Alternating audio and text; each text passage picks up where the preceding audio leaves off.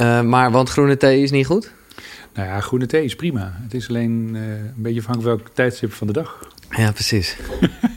dus hoeveel uur voor je slaap moet je stoppen met die shit? Nou, het is natuurlijk heel wisselend in die zin. Het kan zijn dat jij een enzym hebt in jouw lever dat het veel beter en sneller afbreekt. Maar dat is een heel klein percentage. Ja, dus dat... eh, Maar zou ik zeggen twee uur. En na Ja. twee uur 's middags zou het beter zijn dat een beetje achterwege te laten. Jij hebt me ook onwijs geholpen met mijn vage ritme, waar Ja. we zeker op terug gaan komen. Maar ik moet zeggen dat ik eh, tegenwoordig nou, soms één groen theetje, maar liever eigenlijk helemaal niet meer een groene thee in de nacht doe. Ja, Omdat ik dan gewoon weet dat mijn tweede slaapje gewoon eh, ja minder goed is. Klopt, klopt. En Floris Wouterson is hier de sleep performance coach. Eh, dat heeft hij zelf bedacht, maar dat klinkt ook echt op. Dankjewel. Ja, ja, dat vind ik echt. En, en gewoon, ja, Mr. Slapen, Super Slapen is zijn bestseller. Ik heb hier eh, de nieuwste exemplaar van de achtste druk. Klopt. Ja, en het is een onderwerp, ja, iedereen doet het. Ja. Eh, alleen niet iedereen doet het goed. Sterker nog, 25% slaapt te weinig. Ja, het slaapt te weinig, maar het is zelfs zo dat 60% van de Nederlanders ontevreden is over zijn eigen slaapkwaliteit. Dat is wat, ja. 60% is huge. Ja. En het grappige is, ze doen er heel erg weinig aan. En dat verbaast mij dan weer. Ja, ja, ja. Wat is dan de reden dat mensen dat niet doen? Nou ja, dat is ook gewoon kennis. Eh. Zo heb ik jou net, eh, want ergens ben je ook gewoon een bedverkoper. eh. Heb ik jou net mijn slaapkamer laten zien. Nou, er Klopt. zijn weinig mensen die voor het eerst bij me thuis zijn. Die gelijk de slaapkamer. jij bent er een van. Eh, want ik dacht, jij kan gelijk eerlijk zijn. Wat klopt er niet? Ja, het is natuurlijk zo dat er een heel wat dingetjes zijn die we daar kunnen opmerken. Ik zal in ieder geval... ehm, Wees kritisch. eh, wees kritisch, oké. Nou, ten eerste is het zo, dat gaf je zelf al aan, er is geen ventilatie naar buiten toe. Nee. Het goede nieuws is, er zijn geen ramen. Dat vind ik heel dus- prettig. Dus, daarom is het lekker donker. Dus Ja. dat is weer de andere kant van de medaille. Als je kijkt naar voetbalclubs zoals Manchester United... en die Ja. hebben dus ook zelf slaapcoaches. Als ze voor een Champions League ergens, weet ik waar, moeten spelen... in een hotel moeten overnachten... dan komt er eerst een team die niks anders doet dan alles aftapen... met Ja, duct tape, ja, eh, plastic zakken tegen de ramen... Ja, geen ja. licht onder de deuren door. Eh, alle stand-by lampjes worden gewoon eh, geëlimineerd. Ehm, en het wordt helemaal stofvrij gemaakt. Nou, dat is bijvoorbeeld een dingetje wat ik bij jou zag. Dat zie ik niet zo heel erg vaak. Dus je hebt in feite een soort eh, luchtbevochtiger in jouw kamer staan. Daar heb je ook weer allerlei soorten en variëteiten in. Maar dat is al een hele goeie als je dat doet. Je kunt die gedurende de nacht laten draaien. Ik zou die gewoon overdag laten. En op een gegeven moment als je naar bed gaat... zou ik er een timertje tussen zetten. Nou ja, precies. Want, want hij maakt wel een klein beetje lawaai en er Ja. zit een lampje aan. Ja, dat is, dus dat is dan weer nadelig. Want Ja. geluid heeft gewoon impact op je slaapkwaliteit. Ja. Nou is dit een redelijk monotoon geluid. Het is Ja, niet eh, een een of andere brommer die Nee. voorbij rijdt... of een vliegtuig die overvliegt. Alhoewel je hier niet zo ver bij, eh, bij Schiphol vandaan zit. Maar het is in ieder geval zo dat eh, zo'n ionisator... Van, van, van zeg maar de luchtkwaliteit en het verversen en verfrissen van de lucht... dat is gewoon een hele goede. Al omdat je geen lucht van buiten hebt. Dus dat is al verstandig. Ik zou in ieder geval wel zorgen ook dat je de deur open laat staan... dat er in ieder geval voldoende, lucht binnen Oh, kan komen. Want als je kunt lezen, ook inderdaad in hoofdstuk 3 van mijn boek over slaapomgeving. We hebben in onze ruimtes waar we wonen vooral veel negatieve ionen nodig. En die heb je vooral aan de zee, bij watervallen, in bos, maar niet in stadsomgevingen. Nee. En als je dan nog een keer in een gesloten ruimte zit, dan is dat ook wel een puntje waardoor je nog een keer een upgrade zou kunnen doen van in dit geval je ionisator. Dat je ook nog een keer de lucht Ja. eh, een extra positieve lading geeft in dit geval. Oké, Dus wat zag je nog meer waarvan je dacht... eh, nou ja, je hebt een hoek met docking stations en weet ik Ja. wat allemaal wezen mogen. eh, dus eh, Maar oké, oké. Ik ga hier een beetje, want ik snap het. En ik inmiddels eh, door schade en schande wijs geworden... gebruik ik mijn telefoon niet echt meer als wekker. Of, eh, want dat, dat kan ook fout gaan, ben ik achtergekomen. Maar ik zit nu toevallig in een soort slaaponderzoek-achtig iets. mhm. Dus ik moet mijn telefoon nog even daar hebben. Ik ja. ben echt al eigenlijk omdat ik denk... oh nee, ik ga hem echt buiten op de slaapkamer houden. Ja. Maar ik heb nu een apparaatje, ik weet niet of je het kent eigenlijk... het is allemaal friekerij. Dat, dat eh, draag ik zo rondom mijn middel. Mhm. En dat gaat dan trillen op het moment dat ik op mijn rug lig. Ja, dat, ken, dat is ontwikkeld door de, eh, de Universiteit van Delft. Oké. En dat is vooral bedoeld door mensen die zeg maar eh snurken of apneus Ja, hebben. ik heb een kleine apneu. Dus, maar hoeveel onderbrekingen heb je ongeveer per uur? Nou, ik ben het al. Hij is al. bent nu aan het eh, testen? Ja, ik ben aan het testen, maar het wordt al wel minder. Omdat je toch natuurlijk je lichaam leert van: oh nee, dat getrild, ja. dat willen we niet. Eh, maar ik zal eerlijk zeggen, ik moest echt leren, maar laten we eerst de slaapkamer afmaken, hoe je moest liggen. Ja. Want ik dacht gewoon helemaal met hè, de meditaties waarmee ik in slaap val en Ja. zo, of in slaap viel moet ik eigenlijk zeggen. Ja. Want dan lig je namelijk lekker op je rug. Blijkt dat het op je rug liggen helemaal niet goed is. Nou ja, op je rug is de tweede beste positie. De beste is zij en dan Ja. de voorkeur je linker zijn. Ja, Dus eh, voor zover wat het allemaal waard is natuurlijk ook. We moeten altijd een beetje voorzichtig zijn. Er zijn een hoop onderzoeken. Die onderzoeken spreken elkaar soms ook tegen. Maar er is heel veel wetenschappelijk bewijs, zeg maar, dat de zijslapers zijkant, de, ja, betere slapers zijn.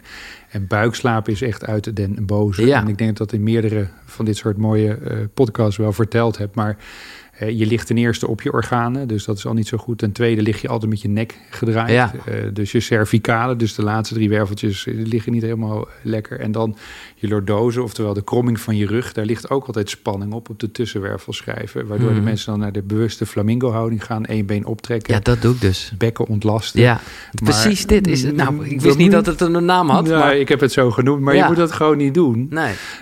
Want de laatste is een veel minder bekende oorzaak waar steeds meer onderzoek over gedaan is en wordt. En dat is pas bekend sinds 2015. En we hebben een lymfatisch systeem in ons lichaam. Dus dat is ons on- ontgiftingssysteem Ja. dat door beweging in actie gezet wordt. Maar we hebben ook een glymfatisch systeem. En misschien heb je er ook al eens een keer van gehoord. Maar dat is hetzelfde soort systeem, maar dan voor de hersenen. Ah. En de hersenen worden ongeveer 40% kleiner gedurende de nacht. De hersenvloeistof neemt toe en dan wordt eigenlijk alles eruit geflushed wat eruit moet. En in buikligging werkt dat systeem veel minder Ah. goed. En daar liggen de mogelijke verbanden. En ik zeg hè, de mogelijke. Ja, het is we altijd- gaan wel gewoon adem blijven halen met Parkinson en Alzheimer. Omdat een heel bekend, of althans bekend, niet bij veel mensen bekend, maar in deze wereld wel. Hè, dat is een, eh, een eiwit dat heet beta-amyloïd. Eh, en beta-amyloïd is een direct eh, eiwit wat in verband gebracht wordt met Alzheimer. Als je daar te veel en te lang van in je hersenen hebt. En slaappositie zou daar een cruciale rol bij kunnen spelen. Dus Ja, let even op mijn bewoordingen. Er wordt nog steeds meer en meer onderzoek naar gedaan. Maar het is zo ontzettend fascinerend om te weten wat slaap allemaal s'nachts voor ons doet. Ja, eh, waar we ons helemaal niet van bewust zijn. het is, het is machtig mooi. Ja. Ik vind het eigenlijk eh, sinds enige tijd, want ik heb het jarenlang onderschat en ik vond het zonde van mijn tijd, want ik vond het leven zo leuk. Mhm. Maar ik zie het nu wel als een eh, bijna spiritueel iets. Maar dat zegt de Dalai Lama. Hè? Slaap is de beste vorm van meditatie. Ja, maar, d- ja nou ja. Oh, dat wist ik niet, maar ja, mooi. We, gaan, we komen hier straks door op het slapen zelf, maar ik wil even de slaapkamer aan zich afmaken. Perfect. Nou goed, in ieder geval naar eh, lucht. Hè, en Ja, dergelijke lucht, licht, dus ook eigenlijk. licht is- Of zeg je dokking vanwege de straling? Nou, dat, de- vooral de Oh. elektrosmok. Hè. Dus ik vroeg ook of jij de mogelijkheid hebt om je slaapkamerlamp, hè, of althans je circuits, Ja. tweepolig uit te zetten. Want je kunt Ik wist stroom- niet wat het was, dus dat was gelijk antwoord op Daarom, maar je kunt stroom onderbreken eenpolig, maar je kunt ook stroom onderbreken tweepolig. Dus als ik mensen wel eens begeleid met nieuwbouw of het herinrichten van hun slaapkamers en ze vragen me naar advies, dan vraag ik altijd vraag de elektricien een knop er neer te zetten dat je tweepolig je stroom kan uitzetten. Nou is dat niet voor iedereen van belang. Sommige mensen zijn er heel erg gevoelig voor, sommige mensen zijn er minder gevoelig voor. Maar elke straling die je kan verminderen is gewoon winst. Maar zet jij je wifi uit s'nachts? Ik zet mijn wifi uit. Oh, er, zit gewoon een, er zit gewoon een tijdschakelklok tussen. En af en toe hoor ik dan mijn kids vloeken, maar dan gaan ze over op 4 en eh, 5G. Eh, maar het zou gewoon beter zijn. Maar als ik in Amsterdam ben, ik ben regelmatig in Amsterdam, dan overnacht ik bij een goed vriendje van mij. Nou, ik doe mijn telefoon aan. Ik heb 30 wifi-netwerken. Ja. Nou, dan kan ik die bij hem in zijn, eh, in zijn appartement Ja, uitzetten, maar dat helpt toch niks. Nee. Dus je bent Maar ben ook- jij er iemand die dus gevoelig voor is? nou, ik ben er gevoelig voor, maar het is zo, niet zo super gevoelig als denk ik vele anderen die daar eh, wel mee eh, last van hebben. Maar ik denk die permanente straling op je huid. En ik ben daar een beetje, hoe zal ik het zeggen, op basis van de research die ik heb gedaan, wat, wat, Ja. wat misschien wat stellig in. Maar ik denk dat al die 3 en 4 en 5G een beetje het nieuwe roken wordt. Ja, dus in dat de over jaren een tijdje... in de jaren 50 wisten we al dat roken een direct verband had met longkanker. Eh, het heeft 30 jaar geduurd en 7000 rapporten voordat de overheid is gaan ingrijpen en gaan voorlichten dat roken niet zo goed voor je is. En als je ziet wat voor industrie er zeg maar achter de telecom zit en wat daar dan weer voor techgiganten achter zitten. Ja. Ik denk dat het een hele lastig is om hier zeg Waar maar... heb jij nu een- je telefoon? Oh, ook netjes daar. Ze hebben hem ook niet in je zak? Ik heb hem nooit in mijn zak. Ik heb hem Ah. altijd op een andere plek liggen. En s s'avonds doe ik hem op vliegtuigstand sowieso. Hij, hij blijft gewoon netjes beneden. En er is zoveel... eh, er is ook een, een... Als je er wat meer in wil verdiepen... hoor, er is een, iets dat heet de PhoneGate. Eh, dat is een heel groot proces geweest in Amerika... waar een heleboel experts bij betrokken zijn geweest. Alleen wat je heel duidelijk ziet... is dat het allemaal ja, een beetje in de doofpot Ja. gestopt wordt... en het gauw verwezen wordt naar complottheorie... en dat soort dingen allemaal meer. Ik ben ook daarin heel erg pragmatisch hoor. Het is niet zozeer dat ik zeg het moet of het moet niet. Ik weet gewoon dat het zo is. Ja. Ik, ik, ik, ik vaar er wel bij. En het is voor mij een kleine moeite om het gewoon toe te passen. Ja. Voor sommige mensen is het echt wel een dingetje. Want iedereen probeert s'avonds de telefoon weg te leggen. Nou, forget it. Hè, dus eh, vooral dan gaat het over de prikkels, ja. ja, en vooral, de, vooral inderdaad de prikkers, de dopamine die wordt aangemaakt, het blauwe licht waar we het over hebben. En dat zijn allemaal dingen die natuurlijk niet zo heel erg goed zijn. Nee. En die straling aan zich zou ik ook gewoon heel erg terughoudend mee zijn. En, Dus- en, en eh, om dan toch, want als jij zegt complotten, dan denkt iedereen natuurlijk nu aan 5G. Wat je al benoemde, is dat, is dat... Nou ja, ik moet zeggen, ik heb daar serieus goede gesprekken over gehad. Ja. En ook dat is inderdaad, hè, de macht van de, van de techgiganten Ja. is dusdanig groot Ja. dat het snel wordt weggezet. En ik heb er gewoon te weinig verstand van. Maar als ik dan de verhalen hoor over hoe dat op een wat hogere of een andere frequentie Ja, afspeelt, klopt. waardoor het veel meer effect zou Ja. hebben op ons lichaam. Ja.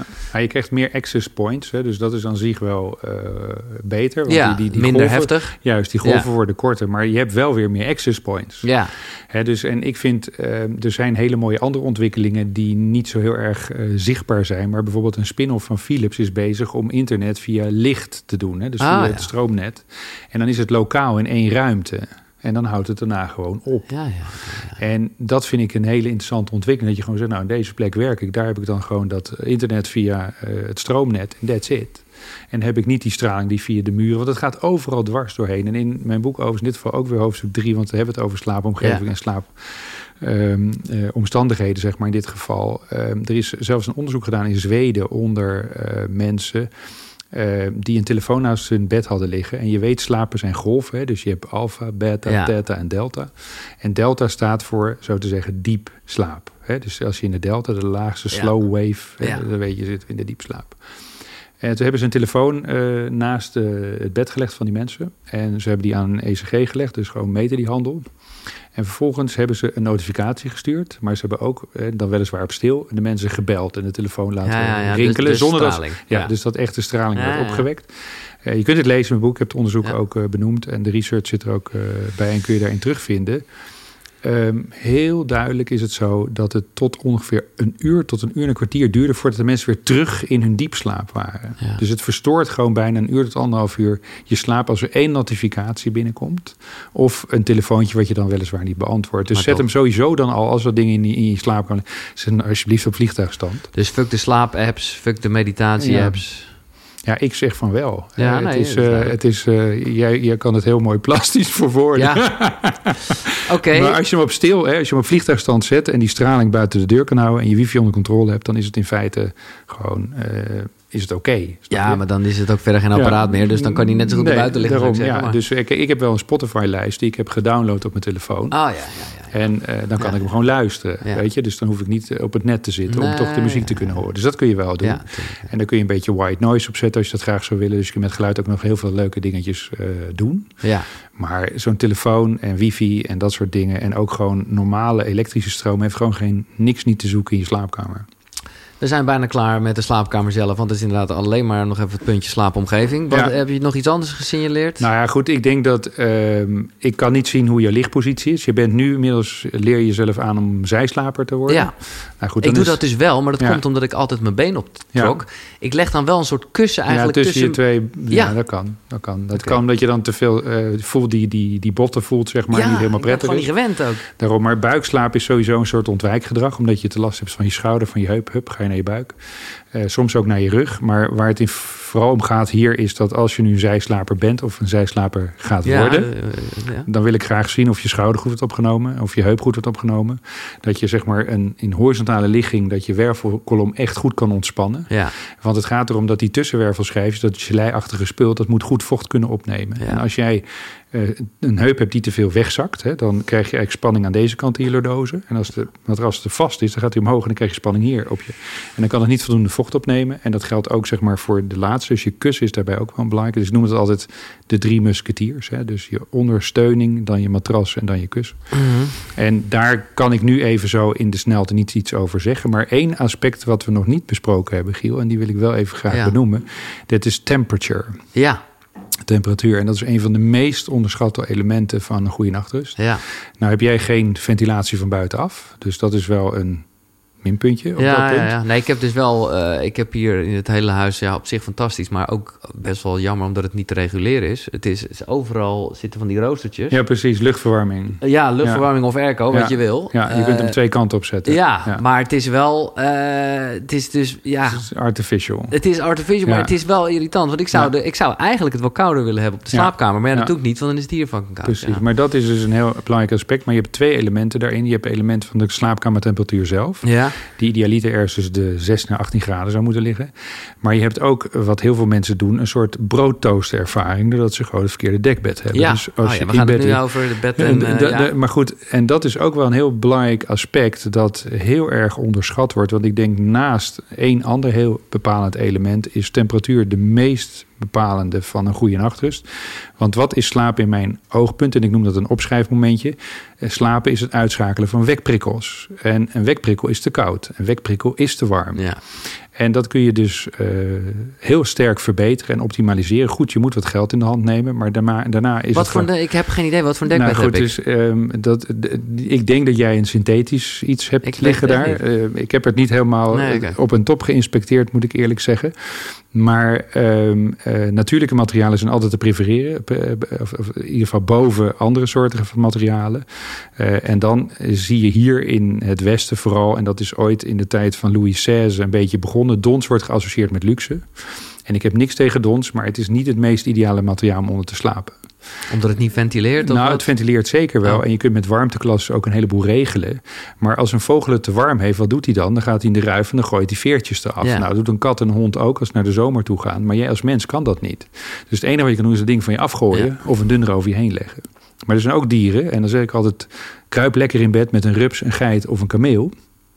Want in dit geval, een Kashmirgeit leeft in Himalaya. S'nachts is het knetterkoud, overdag is het superheet. Ja, ja, En die reguleren van nature met hun eigen vezel de warmte. Tweede aspect, kameel, bijvoorbeeld uit Mongolië, die beesten hebben hetzelfde verhaal. Alleen de vezel van de Kashmirgeit is net wat anders dan van de kameel. En die reguleren ook de temperatuur van nature. Waardoor het veel en veel aangenamer is om daar lekker onder te Maar slapen. het is heel duur, begrijp ik. Nee, dat is duidelijk leuk. Oh. Want eh, je moet ook altijd een beetje oppassen. Wat is duur? Hè? Waarmee nee, investeren... Waar, waar, waar- waarmee vergelijk je het? En ehm, ik ga een voorbeeld geven in dit geval. Het is zo dat ehm, een goede, echte 100% Siberische ganzendons... en 240, 220, dus een klassieke tweepersoons... van een tweepersoonsbed wat jij beneden Ja. hebt staan. Wat denk je dat het kost? Ik ben er echt heel slecht in. Ik weet dat echt En we doen even vergelijkend waar. Dus Oh, dat is maar altijd wel leuk. Maar ik- een goede eerste klas Siberische... eh, Een zit- dekbed. Ja, ik, in- ik in- heb in- geen idee. in- in- zit je 500 echt- euro? Nee, zit je rond de 1200 euro. Oh, zo duur. Oké. maar ja, dan hebben we er ook waarbij de ganzen niet levend geplukt zijn. Ja, dan heb je ze waar ze niet uit allerlei gebieden komen waarvan je zegt: wat zijn dit voor arbeidsomstandigheden? Dus mensen zeggen altijd: oh, dat vind ik wel veel geld. Maar je moet ook kijken naar welk eh, omstandigheden die spulletjes gemaakt zijn. En dan hebben we natuurlijk over meer de ethische eh, kant. Daar hoeven we het nu verder niet over te hebben. Maar er is ook heel veel over te zeggen. Bij kamelen en bij geiten is het een natuurlijk afgeworpen materiaal. Dus dat is niet iets waar een beest voor Nee. gekild hoeft te worden. Dus dat vind ik een voordeel. Maar als je een goede eh, kwalitatieve kameelhaar Ja? zou willen, dan zit je ergens rond de 650 euro. Oh, is het goedkoper zelfs? Ja, het is zelfs goedkoper. En, dan kun je, en een kashmir gaat wel weer naar de prijs van een Ja. Siberische. Hè, Ja. Want dat is veel schaarser. Het is ook moeilijker te winnen. Het is een mooiere vezel. Eh, je hebt er dus minder grammage. Dus je voelt minder gewicht op je liggen. Maar sommige mensen vinden het juist fijn. Ik heb graag wat gewicht op me als ik slaap. Sommige mensen vinden het heel fijn om heel lichte dingen op zich te hebben. En je weet tegenwoordig hebben we een enorme rage van die warmte. En in dit geval ook die zwaartedekens. Ja, ja, ja, ja. Ja, dat is gewoon wijn in nieuwe zakken. Want het bestaat al, eh, vooral in de psychiatrie wordt het heel veel gebruikt om mensen tot rust te brengen. En dat zijn wij nu allemaal heel wild aan het doen. Dat het helemaal super is. En Ja. ik wat, nou, allemaal leuk en aardig. Maar dat kun je met een goed dekbed kun je dat ook voor een deel eh, zeg maar eh, reguleren. Maar even naar jouw eh, situatie toe, omdat je ook geen raam naar buiten toe hebt, zou je nog een keer de temperatuur in bed kunnen optimaliseren door naar een ander type dekbed te kijken. Duidelijk. En dan de, de matras, daar zag ik je ook even inspecteren. En ik heb zo'n, ja, weet je, je kan me alles wijsmaken. Dus ik heb op een gegeven moment zo'n top ding erbij gekocht. Ik weet niet waarom. Nou, kijk, in zoverre een topper is leuk. Een topper, maar, ehm, of een topmatras of een dekmatras. Ja. Ze hebben allerlei verschillende naampjes. En je hebt ze ook weer in allerlei soorten materialen. Je kunt ze in pocketweer hebben, in latex, in visco, in gel, in whatever. Eh, waar het hier vooral om gaat is dat, ehm, wat ik net al zei... het is heel erg belangrijk om te zien wat jouw voorkeurslichthouding is... en hoe jij dus op die matras in die combinatie zoals je hem nu hebt ook ligt. Mhm. Ehm, ik vind dat er aan een topper tussen aanhalingstekens ehm één kanttekening eh, zit. En dat heeft ermee te maken hoe warmtegevoelig ben jij. Dus als jij het snel warm hebt, of vaak heel Aziatisch eet en ook uh, gewoon lekker Ja, ja. transpireert s'nachts dus aanhalingstekens. Ja, ja, ja. Je ligt bij een topper altijd meer omsloten. Waardoor ook het stukje transpireren een grotere rol kan gaan spelen. Nou, ik heb het net gehad over dat slaap het uitsluiten van, uitsluiten Ja. van wekprikkels is. Dat is dus een, Dus eh, dat is weer een potentiële wekprikkel als je Mhm. daar gevoelig voor bent. En dan moet je altijd kijken naar de combinaties. Hè? Want je hebt nu in dit geval een bokspring staan. Dan ligt daar een soort viscoelas, dus een matras op, voor zover ik het kan zeggen. En dan ligt er een soort koudschuim topper bovenop. Ja. Nou, is dat de beste combinatie? I don't know. Hè? Dus nou, dan je weet we, het wel. Nee, dus. dan moeten we gewoon even eh, ja, je daar gewoon ook zien. Ja. En het is zo dat het ontwikkelen van een goede matras veel meer tijd en energie kost dan heel veel mensen denken. Ik heb heel veel fabrieken bezocht. Ik heb heel veel dingen gezien ook. En een harde matras maken is veel gemakkelijker bijvoorbeeld dan een zachte matras die ergonomisch goed ondersteunt. En daar zit veel meer research in en dergelijke. Maar wat doen hotels? Die kopen het liefst harde matrassen. Ja. Want die gaan het langste mee. Ja. Maar het heeft geen ruk met comfort. Oh, nee, nee, nee. Maar, dus, dus, Ja. eh, en daarom is het gewoon heel erg belangrijk ook eerst een goede intake te doen. Want er zijn eigenlijk vijf criteria die bepalen wat voor soort matras iemand nodig heeft. En aan de hand van die vijf criteria ga je dan kijken eh, wat voor die persoon de beste matras is. Want ik heb heel vaak mensen die zeggen, nou Floris, wat is nou de beste matras? Nou, ik weet jij, dat ga de Mr. Superslaper zelf, heeft een waterbed. Ja, dat is juist. Dat is juist. Dus dat is dan denk ik ook het antwoord op de vraag, of niet? Eh, dat is, nou, laat ik het zo zeggen. Ehm, ik ga één stapje terug. Eh, je bent warm, wat dat er gaat, wat mij betreft. Ehm, maar het is zo dat als je kijkt naar mensen die binnenkomen en zeggen: hey, wat is nou de beste matras? Dan zeg ik: Nou, alles wat hier ligt is goed, maar wat is het beste voor jou? En stel nou dat ehm, je een scoliose hebt, of stel nou dat jij een gevoelige heup hebt, of stel nou dat jij een andere eh, Ja. last van schouder of nek hebt, dan kan de uitdaging met het type matras wat jij nodig hebt een andere zijn dan een warme deken die we over iedereen heen gooien. Ehm, waarom ben ik zo'n fan van een waterbed, wat ook heel veel praktische nadelen heeft? Want je kunt het niet elektrisch verstellen, dus je moet altijd iets met kussens rotzooien Ah, als je ja. wil lezen. Nou, ehm, ik lees graag, maar ik doe een paar extra kussens erbij, is klaar. Maar wat ik ook weer doe daar, een waterbed heeft twee verwarmingselementen. En ik heb net al gezegd, temperatuur is een Ah, hele bepalende factor van lekker slapen. En in de zomer is een waterbed licht verkoelend. Omdat je bui- huidbuitentemperatuur is ongeveer 70 graden. En je kunt het waterbed dan op 26 graden zetten. En dan is het net even 1 graden lager. En dan is het gewoon, als je je bed induikt, gewoon koel. Hè? Dus het voelt koel aan. Mhm. Dus dat is wel heel erg prettig. En tweede aspect, naar de winter toe. Als het wat kouder wordt, dan zet je dat ding gewoon net eventjes iets hoger. En daardoor, omdat je in bed kruipt, ontspannen meteen al je spieren. Ja. Dus dat hoef ik niet meer te doen. Ik hoef niet warm te douchen of whatever. Dat doet dat bed al Ah. voor mij. En dan is nog één heel leuk ding. Maar goed, dat, ik zit nu een beetje te freak hoor. Ja, ik hou ervan. Ehm, ik heb dan nog daar een soort fibromassage in liggen. Hè? Dus ik heb twee... Een soort eh, golvenbad. ja, nou, zo kun je het eh, zwart-wit eh, zeggen. Maar er liggen twee fibromatjes in. eh, dus bij mijn vrouw en bij mij, om het zo maar te zeggen. En daar heb ik een soort therapeut aan bed. Dan kan ik een knop indrukken en dan begint dat gewoon lekker te trillen. En als je bijvoorbeeld moeite hebt s'avonds om even los te komen... Mhm. dan doe ik zo'n ding aan en dat begint dan heel monotoon. brrr, en dat begint dan ergens op je rug en dan gaat het Mm. naar beneden en je benen en weer terug. En ik denk dat ik dan na een minuut of zeven... dan, Bam. dan ben ik gewoon lekker En, weg. en heb jij dan wel, slaap jij in hetzelfde bed als je vrouw, zeg maar? Ja. Of zijn er twee losse onderdelen? Nee, het, je moet altijd, ja, dat zijn ook weer hele goede vragen die je stelt. Eh, je kunt eh, een keer bij mij. eh, Nee, ja, ik zou zeker bij zo'n waterbed, zou ik denken, nou... nee, maar wat heel erg belangrijk is bij een waterbed is de stabilisatie. Daar Ja. wordt over het algemeen veel te weinig aandacht aan besteed. Ten tweede kun je ook met de waterhoeveelheid heel veel doen. Minder water is minder massa, is vaster. Meer water is meer massa, is zachter. Dat is wat mensen vaak ook niet helemaal goed begrijpen. Dus je kunt achteraf ook nog een keer de hardheid min of meer, zeg maar, instellen. Je hebt natuurlijk wel een soort basisstabilisatie eh, die je voor jezelf moet kiezen. Maar een waterbed is ook nog een keer heel drukverlagend, drukverdelend. Hè. Dus je voelt bijna geen drukpunten meer op je lichaam. Nou, je hebt gelezen waarschijnlijk ook wel in hoofdstuk 2 in Ja. dit geval. Eh, Dat, hè, je huid is je grootste orgaan. Als ik Ja. hierop druk, dan wordt het wit. Ja. Eh, hier lopen je ze- eh, zenuwbanen en je bloedcirculatie. Hoe meer druk op je huid, hoe meer signalen aan je kleine hersenen, hoe meer je ligt te draaien en te woelen in bed. Nou, dan ga jij natuurlijk zeggen: Goh, Floor is allemaal leuk en aardig, maar in Japan liggen ze op tatamis. Dat zijn hele dunne dingen en die slapen er ook prima op.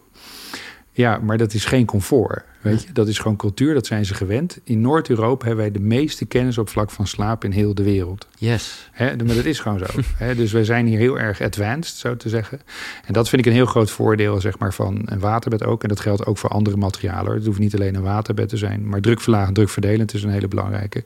En dan heb je in dit geval, eh, als je het goed doet bij een waterbed... een jewel, zoals dat heet. Dus twee aparte zakken. Precies. Nooit één Nee. nemen. Want dan is het zo dat als de een beweegt, beweegt de Ja. andere mee en vice versa. Maar ook de temperatuur kun je niet individueel instellen.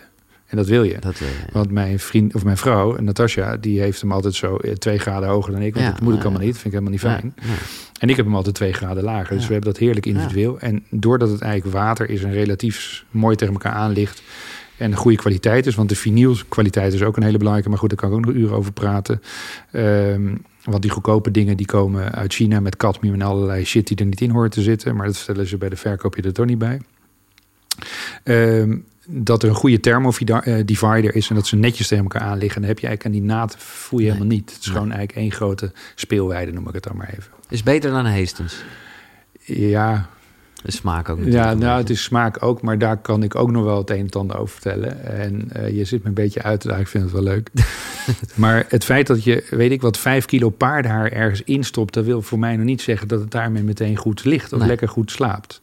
En ehm, eh, het is een heel mooi bed, het wordt heel mooi gemaakt... dus daar zou ik helemaal niks over afdoen. Maar als we naar ergonomie kijken... dan valt dat ding bij mij gewoon door de mand. En ehm, ik weet heb je wel eens paard gereden? Ja, ja, ja, zeker. heb je ook wel eens een paard schoongemaakt? Mm, ja, ja, een beetje. Je bedoelt dat er veel haren vanaf komen, wat? Nou, nee, maar pak maar eens een tuinslang. ja? En ga maar eens met een tuinslang tegen een paard aanstaan. Om hem schoon te maken. Wat doet dat Oh, water? dat weet ik niet, maar... Nou, eh, dat, is- dat ketst er gewoon Oh, af. ja, oké, ja, dat, ja. dat is niet vochtopnemend. Nee. Dat beest zorgt er wel voor dat dat... oh, eh, dus, Ja, dus jij gaat op een materiaal liggen wat in feite niet super vochtopnemend is. Dus dan denk al, oké. En ten tweede is het zo, als je op paardenhaar langere tijd ligt, dat klinkt in en wordt vaster en vaster en vaster.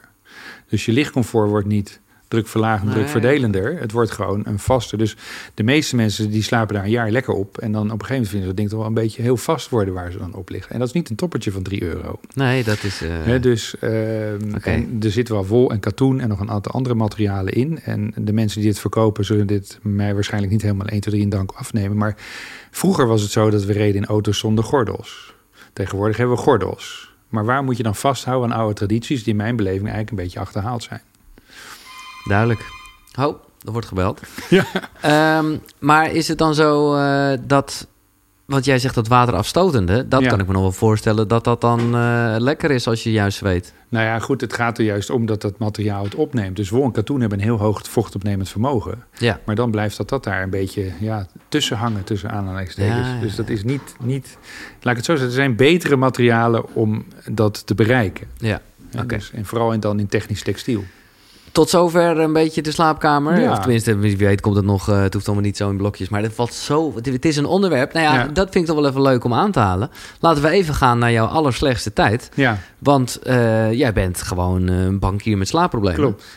Dus, dus Juist. wat gebeurde? Neem ons even mee naar de momenten. Ik weet niet, hoe lang heb je slaapproblemen gehad? Hoe lang heeft dit... Nou, dat heeft toch wel een dikke 2,5, 3 jaar heeft dat ja, wel precies. geduurd. En wat heb je allemaal gedaan? Eh, nou ja, wat ik heb gedaan is eh, in eerste instantie, eh, you take it for granted. Hè? Dus Zo is het nou eenmaal. Je, je, ja. je, je, je denkt het is zo en je wordt 's morgens wakker, je bent prikkelbaar, je voelt je niet uitgeslapen, Nee. je hebt een wattig hoofd, Ja.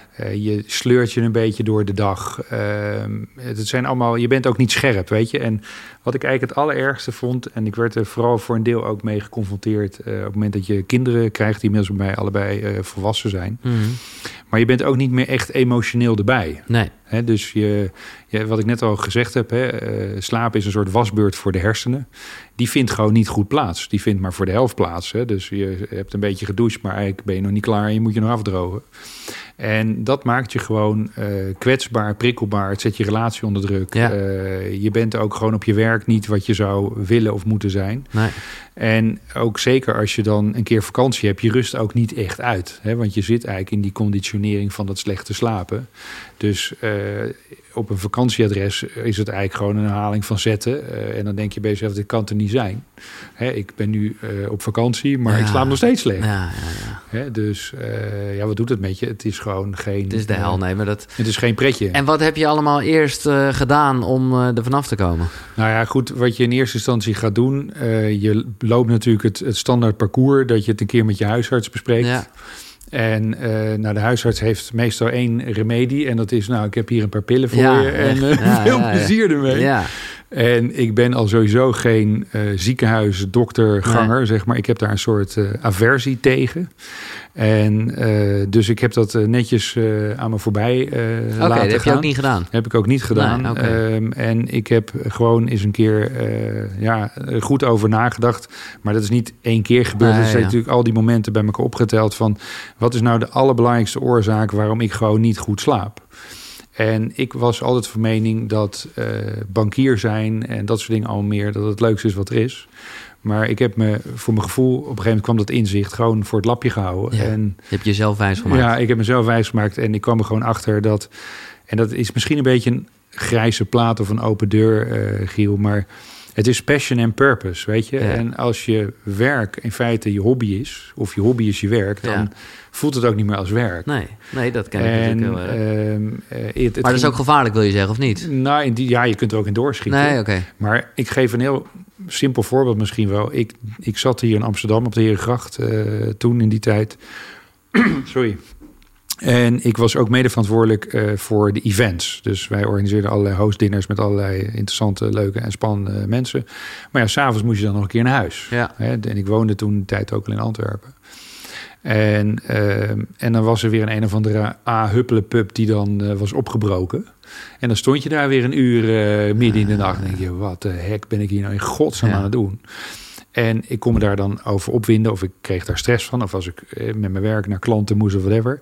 En nu heb ik zoiets, als ik, ik ben vandaag ook ongeveer twee uur gereden. Nou, stel dat ik nu in de file was, dan weet ik, het is voor de good cause, weet je. Het, het kan me niet meer, nee, nee. Het, het, het, is een soort berusting, ja. ik weet niet hoe ik dat moet zeggen. Ja, ja, en uh, het is een heel ander gevoel. Ja. Uh, en ik heb heel lang geloofd dat dat wat ik deed, dat dat dat gevoel was. Maar ik heb mezelf gewoon inderdaad iets wijs gemaakt. En ik ben heel blij dat ik uit die, ja, ik de stap heb durf, durven zetten. Want je hebt ook je hypotheek en je verplichtingen en dit en dat mm. en bla bla bla. Uh, maar ja, uiteindelijk moet je dan een keer de ballen hebben om te zeggen, ik stop ermee. Tony Robbins was daar, uh, heeft daar wel een. Uh, dit vind ik gaaf. Uh, sowieso is het een naam die veelvuldig voorkomt. Ja. als het gaat over zelfontwikkeling, dan, ja. dan heb je het ook wel over Tony Robbins natuurlijk. Ja. En jij ging vanuit je bankiers achtergrond naar een ding van hem toe, volg je ja, dat? ik was, dat is eigenlijk een beetje een transitiemoment geweest. En het ging ook over gezondheid. Eigenlijk was dat mijn allergrootste inzicht wat ik daar had. Ik ging daar niet vanuit mijn bankiersachtergrond. Okay. Het is eigenlijk iets, want je had gevraagd aan mij... wat zijn nou je drie meest ja. intrigerende boeken die je gelezen hebt. Nou, ik vind dat heel moeilijk, want ik ben een veellezer. Ik ben gepassioneerd nieuwsgierig, dus alles wat me interesse heeft... dat, dat vreet ik op, tussen aanhalingstekens. Ja. Uh, een soort SpongeBob, uh, zo mag je dat uh, zien. En in 1996 kreeg het boekje Unlimited Power, ja. oftewel je, je ongekende vermogen, de, Nederlandse, ja. de Nederlandse variant. Dat was zijn eerste boek. Het zat allemaal nog niet zo strak in elkaar, maar dat boek heeft me zo gegrepen. En toen nog niet, maar mijn vrouw, mijn huidige vrouw, uh, die heeft een broer en uh, zij is half Duits, half Oostenrijks. En um, wij kwamen. Um, ik sprak met, met hem daarover. Haar broer heet Stefan. En ik zeg, nou, als ik nou één keer nog ergens naartoe wil, dan is het dat wel. En hij zat in between jobs. En hij had dan zich ingeschreven op een een of andere mailinglijst van Tony. En één ja, kwam een offer voorbij. Ja. Hij zei, Floor, het is nu of nooit. Okay. Ik zei, en bam, ben ik er gewoon uh, toen in Londen nog naartoe gegaan. Ja, en daar kwam voor mij heel duidelijk naar voren dat ik had eigenlijk altijd carrière. En dan nog een keer carrière. En nog een keer geld verdienen en weet ik wat allemaal. En gezondheid zat ergens helemaal ergens onderin. En daar had ik zoiets van, ik ben gewoon gestoord, weet je. Je kunt, hoe succesvol ben je als je niet gezond bent, weet je. Nou, en dat kwam wel even binnen daar. Ja.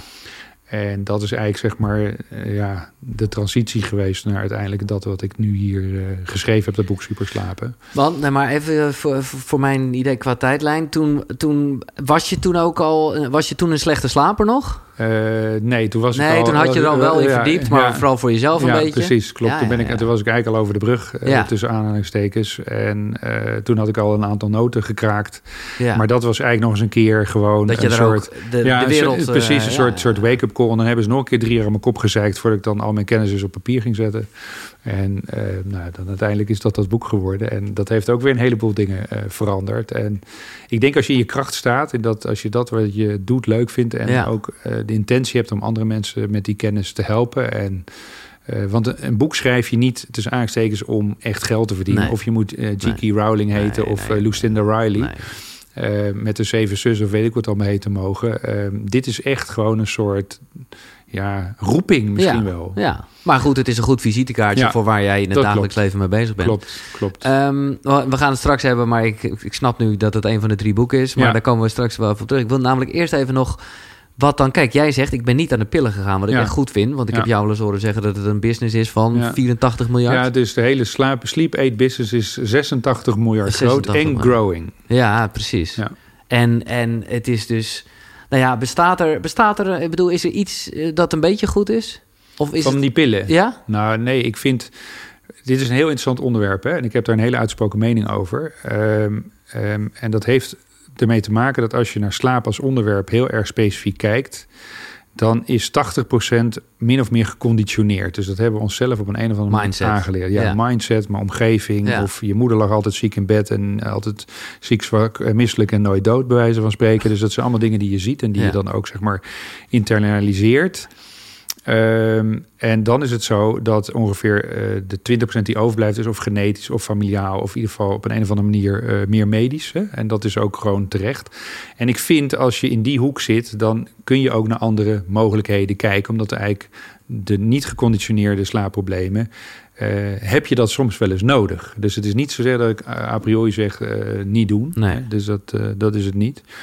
Maar um, in die 80% van de gevallen is het 9 van de 10 keer gewoon overbodig. Ja. En ik zat een keer in een radioprogramma, ook uh, dat heet Weekend in Hilversum. En daar was ik een van de sprekers. En de man die na mij kwam, dat was Dick Bijl. Ik weet niet of je die kent. En hij had net zijn nieuwe boekje uit, uh, of boek uit, en dat heet Antidepressiva. En uh, je zit dan met z'n tweeën in de, in de flight, noem ik het ja, maar even. Ja, dus eerst ik en dan hij. En wij kenden elkaar helemaal niet, dus dat was eigenlijk nog wel grappig. En hij vertelde daar dat bijvoorbeeld het slikken van antidepressiva klinisch hè, in maar 2% van de gevallen bewezen is. Maar weet je hoeveel miljarden daarin nee, weggeduwd worden? Ja, en dat is met slaappillen de same. Hè, dus de psychofarmica voegt zo weinig toe. Hè, het is een soort quick Zelfs niet het placebo-effect? Nou, dat zou voor. Ja. Jawel, jawel ja, placebo okay. of non-placebo, dat speelt zeker nog wel een rol. Maar als je kijkt wat de langetermijn gezondheidsgevolgen zijn van het nemen van slaapmedicatie. Hè, dus, uh, en in mijn boek haal ik een onderzoek aan uit Amerika, wat over twee jaar gelopen heeft.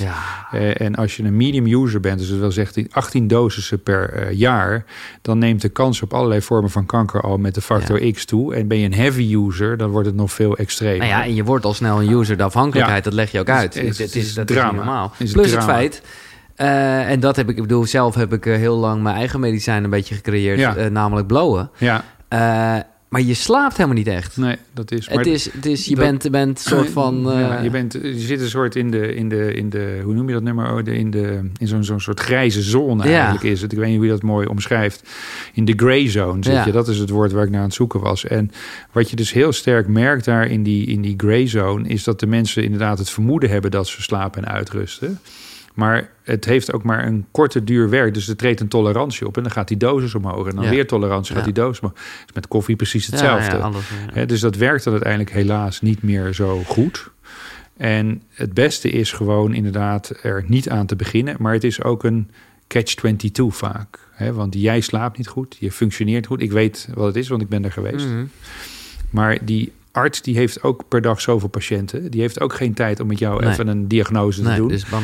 Ik heb een anamnese van bijna 34, 35 vragen... om meer over jou te ervaren, om te weten waar we moeten starten... met een eventuele eh, coaching Ja, of whatever. We zijn hier in het kort hebben we dit gedaan overigens. Eh, maar dat, ik had niet dat ik een slaapprobleem had, maar ook weer wel. Want nou ja, we kan- eh, komen daarop terug. Ik werk s'nachts en dat is gewoon de hel, weet ik van jou. ja, Ehm, maar dus, ja, maar dit, dit is, het is wel heftig. Want Ja. eh, in deze tijd zitten we nog steeds. Ja, Eh, en, en wat je zegt, en, en growing. ja. Ik las eh, begin dit jaar een artikel met jou. Dat vond ik wel heel mooi in de Volkskrant. Waar een gast, het ging er niet over medicijnen... maar die, die, was, die kon dan alleen maar slapen met oordopjes en zo. ja.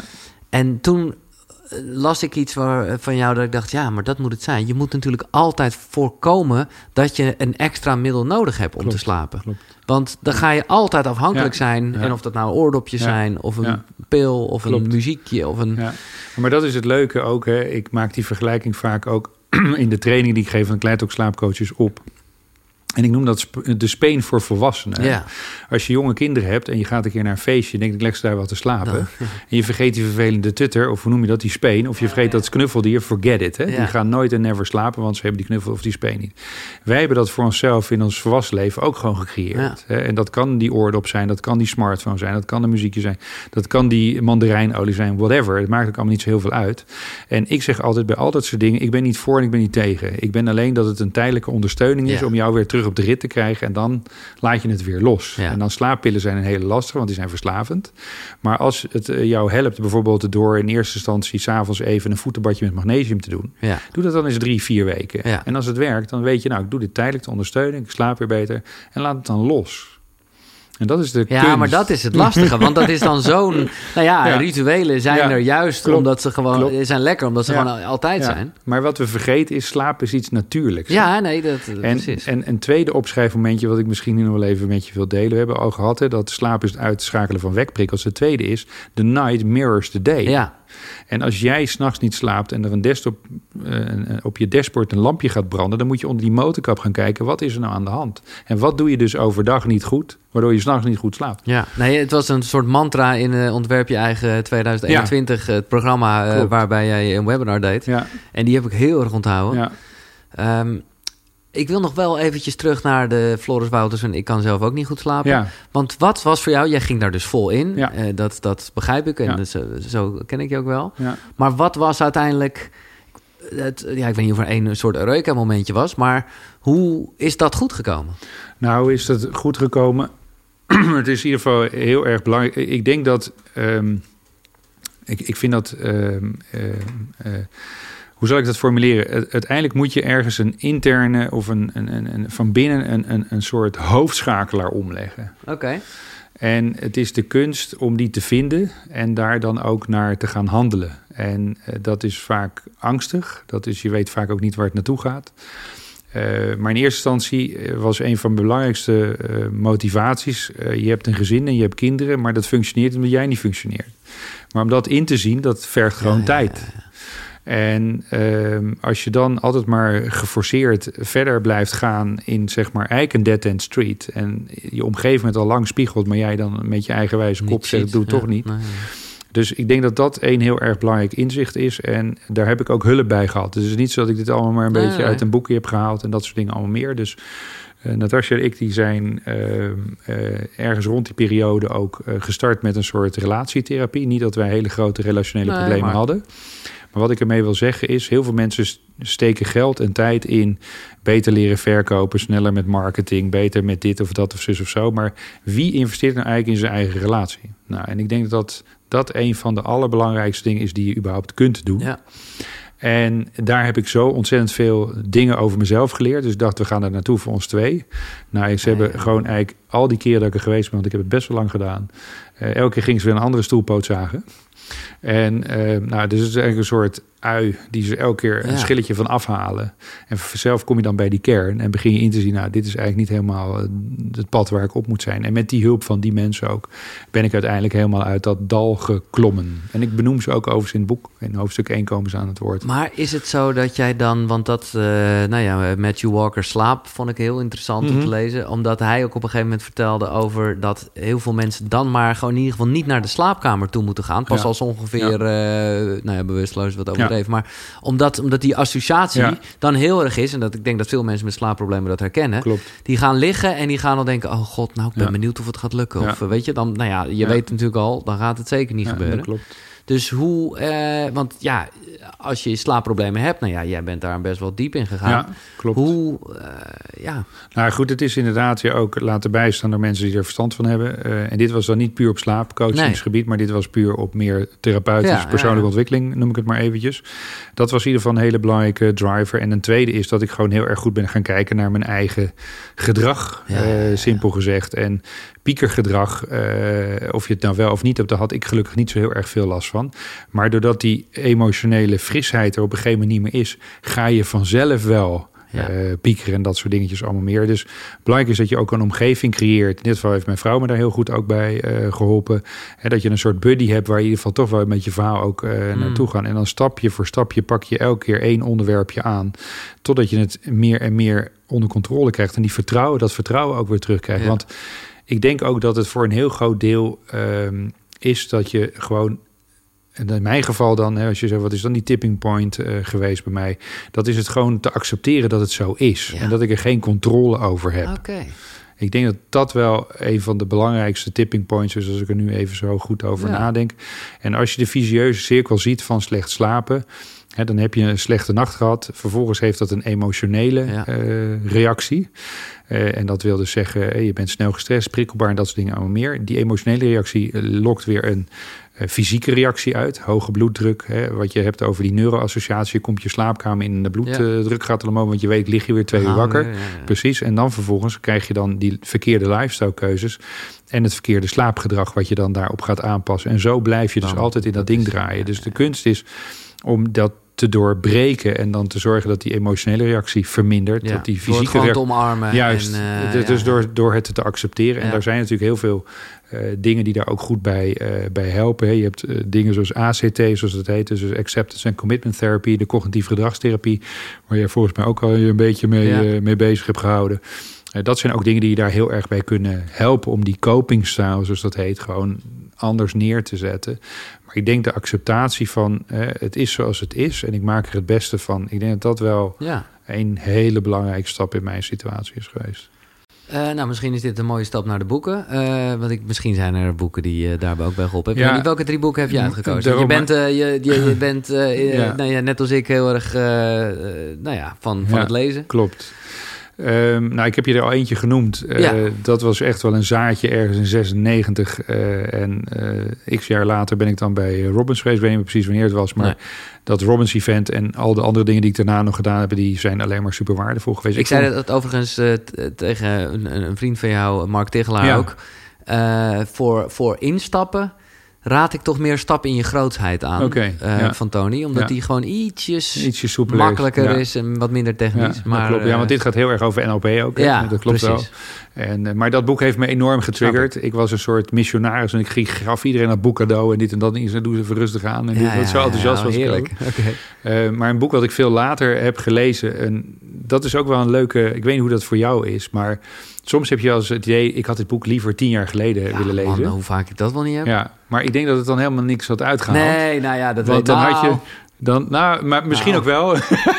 Een aantal, als ik denk aan relaties en ik had de vijf talen van liefde of liefdesbang of, of Jan Geus mm van de liefde, als ik die allemaal eerder had gelezen. Was je wel verder geraakt? Dan had ik wel, de, min, waren de dingen wel anders gelopen, denk ik. Minder brokken? Nou ja, ja. ja, misschien wel. Ja, absoluut. Nou goed, één daarvan is, ik weet niet of je Michael Singer kent. Ja, ja zeker. van de... Ante the Soul. Ja, dat is de, de een, maar de ander is zeg maar uh, de Surrender uh, oh, ja. Experiment. Ja. Uh, en dat, okay. is, dat is zeg maar het loslaten. Ja.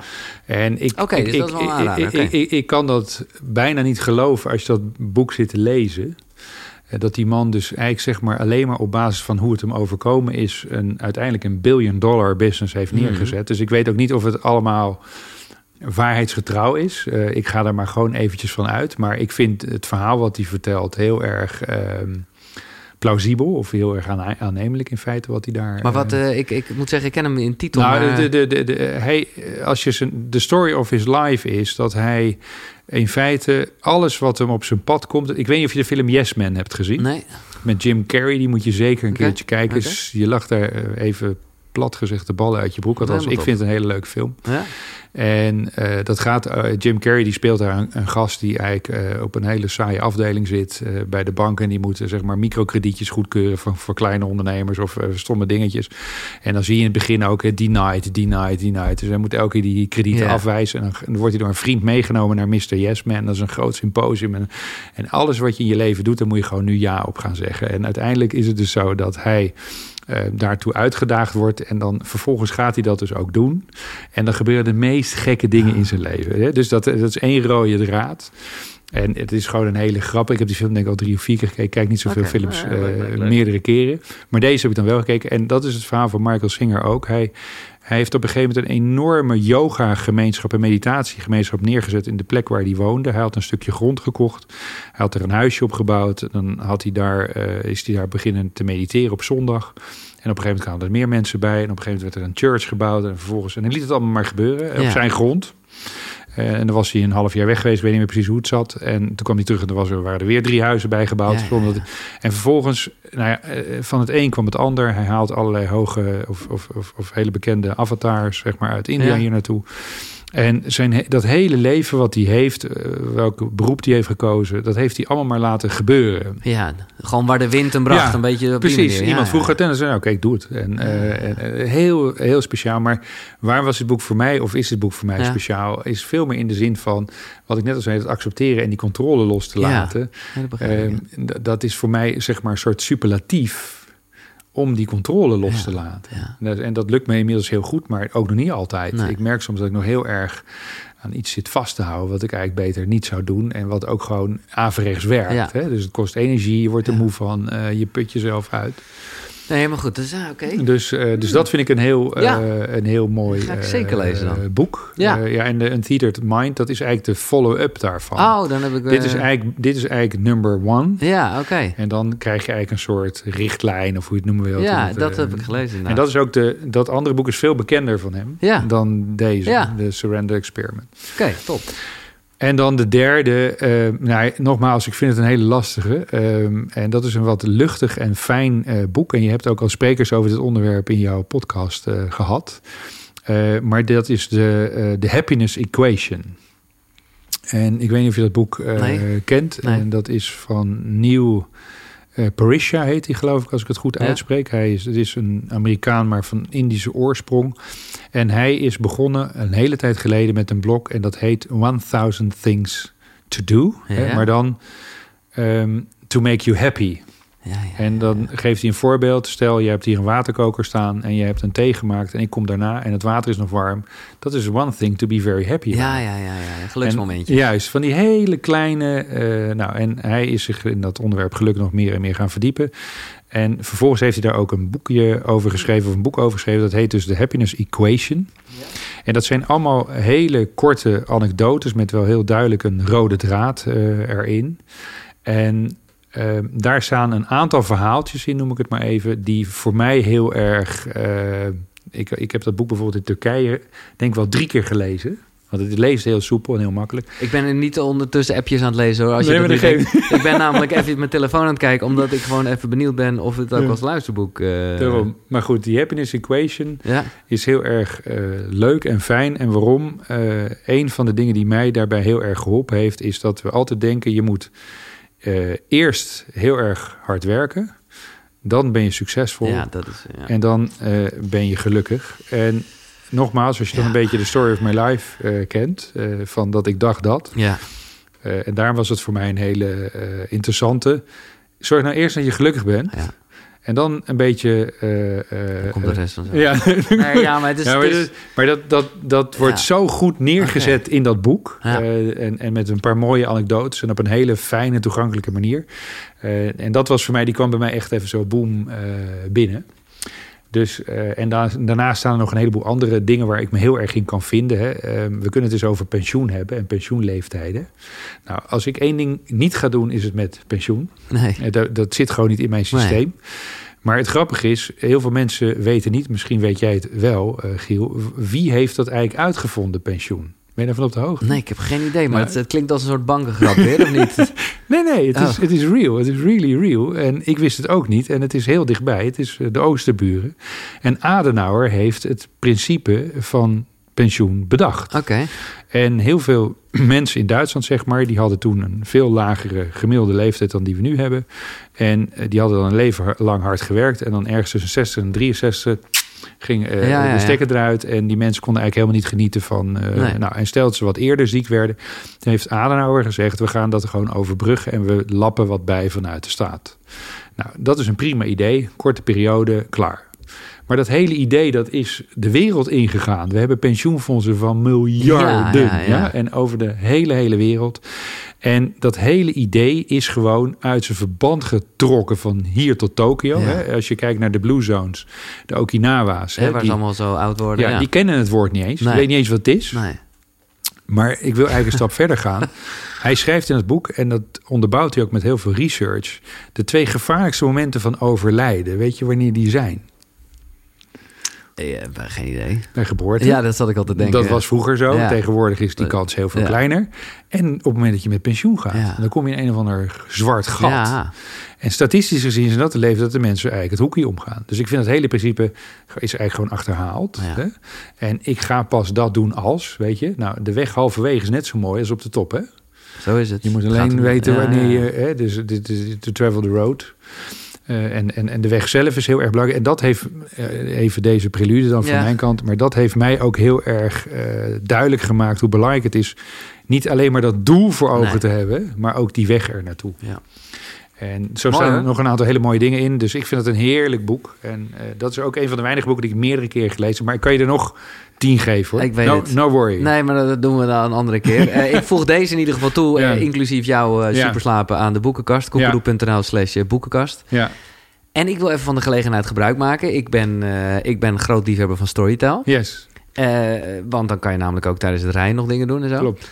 En ik zou echt willen vragen of meer auteurs dat willen doen wat jij gedaan hebt. Ja, Namelijk je eigen boek inspreken. klopt. Dat is wel een, wel een dingetje. Ja, het, het het duurt, leuk om te doen. het duurt even. Ja, Ik moet zeggen, ik heb nu een heel klein boekje en het ben ik er ook achter gekomen dat het toch meer tijd kost dan Ja. ik dacht. ja, Maar eh, nee, dus bedankt daarvoor. ja, graag gedaan. Ben Nou, jij zelf ook een luisterboeken luisteraar? Ja, als ik in de auto zit, maar Ja. ik reis nu helaas minder veel. Ja, ja, Eh, ik ben iemand die graag eh, reist. En dan eh, zet ik die dingen op mijn phone en dan, eh, dan doe ik ze al downloaden. Dat ik ook in het vliegtuig kan luisteren, dat soort dingen al meer. Ja, ik ben daar absoluut een fan van. Dus, eh, dus, eh, dus dat is superleuk. En dit jaar, oktober, bij de verkiezingen in Duitsland... dan gaat hij ook in alle Duitse, eh, Oostenrijkse en Zwitserse boekhandels liggen. Superslaven.de. Ach, zo. Zeer spannend, ja. En oh, eh, ben je ook echt een Duitse cursus aan het doen om dit allemaal... eh, Ik heb een tijd in Duitsland gewoon gewerkt. Oh, oké, dus dat ligt. Dus, eh, en ik heb, wat ik al zei, een, eh, een, eh, een EGA eh, van echtgenoten. die, dus eh, dat, eh, die, eh, dus de taal van de liefde gaat dan heel snel. Ja. Dus ik durf te zeggen dat ik redelijk goed eh Nee, mijn Duits beheers voor een Nederlander, laat ik het zo zeggen. Ja, dit is leuk. Ik onderbreek even het gesprek, maar eh, alle boeken die je net gehoord hebt, die zijn terug te vinden natuurlijk op de site koekeroe.nl slash boekenkast. Maar ik heb een extraatje, want daar vind je ook een link naar een aanbieding van Nextory, waarmee je alle boeken 50 dagen gratis kan lezen en luisteren. En hebben het niet alleen over deze drie boeken, nee, er staan daar 300.000 luisterboeken en e-books. Dus ga naar koekeroe.nl slash boekenkast om 50 dagen lang gratis Nextory te gebruiken. Top toch? Thanks. Oké, eh, laten we het over, eh, nou ja, over mij hebben, maar over heel veel mensen eigenlijk eh, die dat hebben. Ik werk s'nachts en dat is dus niet goed. Nee, Sowieso niet? nee, het is gewoon niet goed. In die zin, ehm, het zou kunnen zijn dat er een klein beetje verzachte omstandigheden zijn. Als jouw chronotype, zoals dat heet, Oh ja. meer op de nacht is. Dat is ochtendmens, avondmens. mens of in-betweener. Want die heb je ook nog mensen die zowel eh, s s'morgens als s avonds redelijk goed functioneren. Dat is een klein groepje, maar die bestaat ook. Maar eh, moeder natuur eh, heeft ons niet zo in elkaar gestoken Nee. dat we s'nachts werken. En we gaan dus echt letterlijk tegen onze biologische klok in. En dat kan ehm, eh, een tijdje heel goed gaan.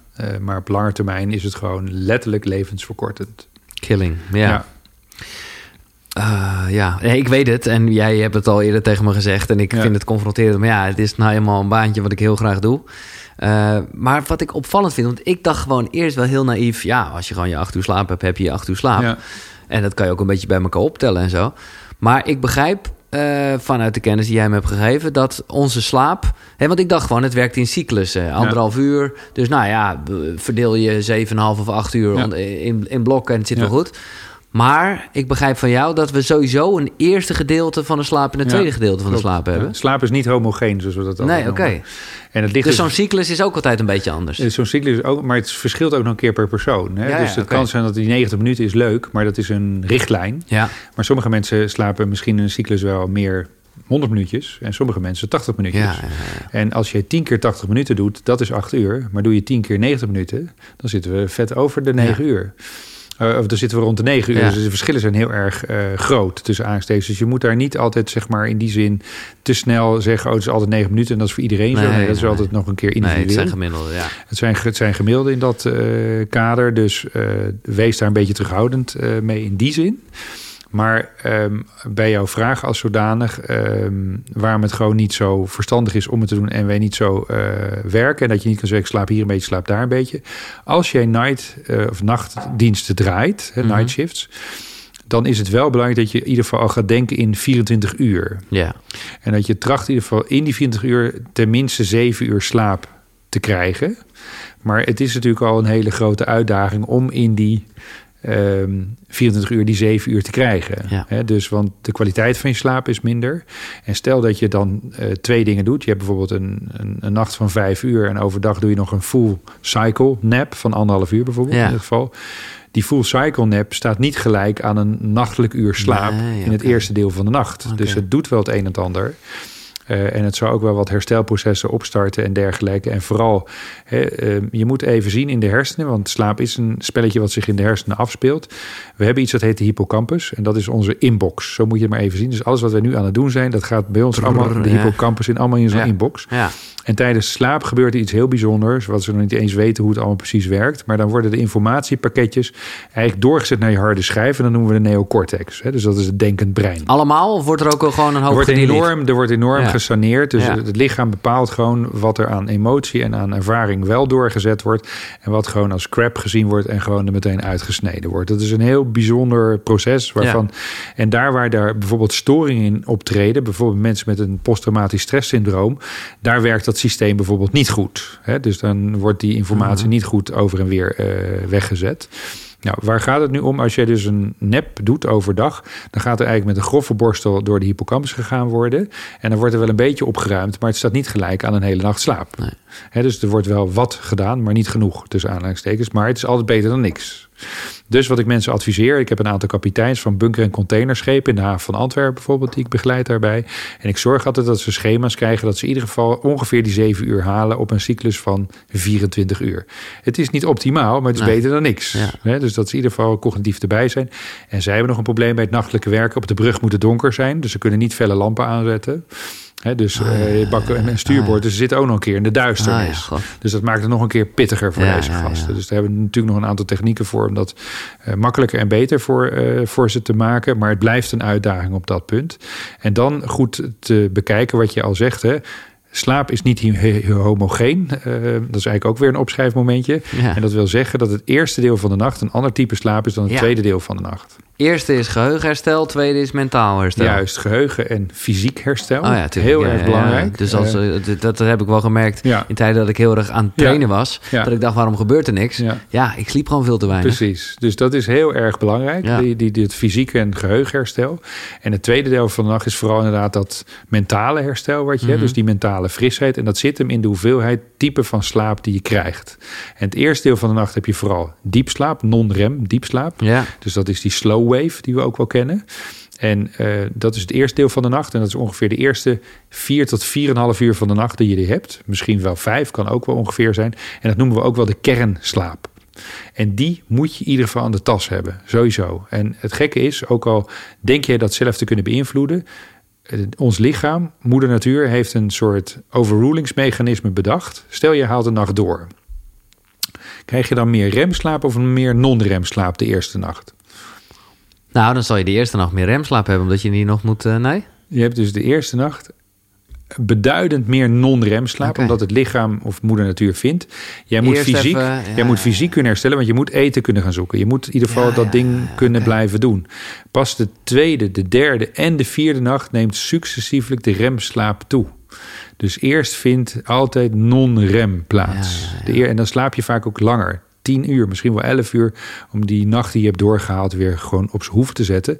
Maar die eerste nacht is niet voldoende. Eigenlijk de tweede, de derde en de vierde nacht zijn nog net zo belangrijk voor een nachtje doorhalen. Ja, maar ik heb dus... Oké, laat ik gewoon eerlijk zijn. ik, heb dus, ik heb dus dit weekend echt weer... eh, ja, dat kwam even zo uit. Ja. Eh, want voor mij is het weekend altijd best wel van... ja, wat ga ik nu doen, weet je wel? Eh, ik ga niet hetzelfde ritme hebben. Ik snap dat regelmaat koning is. Ja. Maar ja, ik wil ook gewoon... Ik, ga, ik, wil, ik wil niet s- ochtends dan om drie uur opstaan... want ik hoef Nee. namelijk niks te doen ja, dan. precies. Maar nu in dit geval heb ik... Ja, heb ik gewoon even de hele nacht doorgehaald. Ja, Dat was in de nacht van zaterdag op zondag. Ja. En vervolgens dacht ik, oké, dan ga ik zondag wel gewoon lekker vroeg eruit. Want dan kan ik zondagavond, ben ik gewoon moe. Ja, klopt. Heb ik dus ook nu gedaan. Ja, dat idee is goed, hè? Dat principe is goed. Ja, het idee maar is het is alleen die ene nacht herstel is te weinig. Ja, ja, ja. He, dus, uh, en dat is ook uh, ja. gewoon belangrijk om te weten. Daarom vind ik het ook de grootste idiotie die er is om, zeg maar, uh, in dit geval universiteitsbibliotheken s'nachts open te zetten.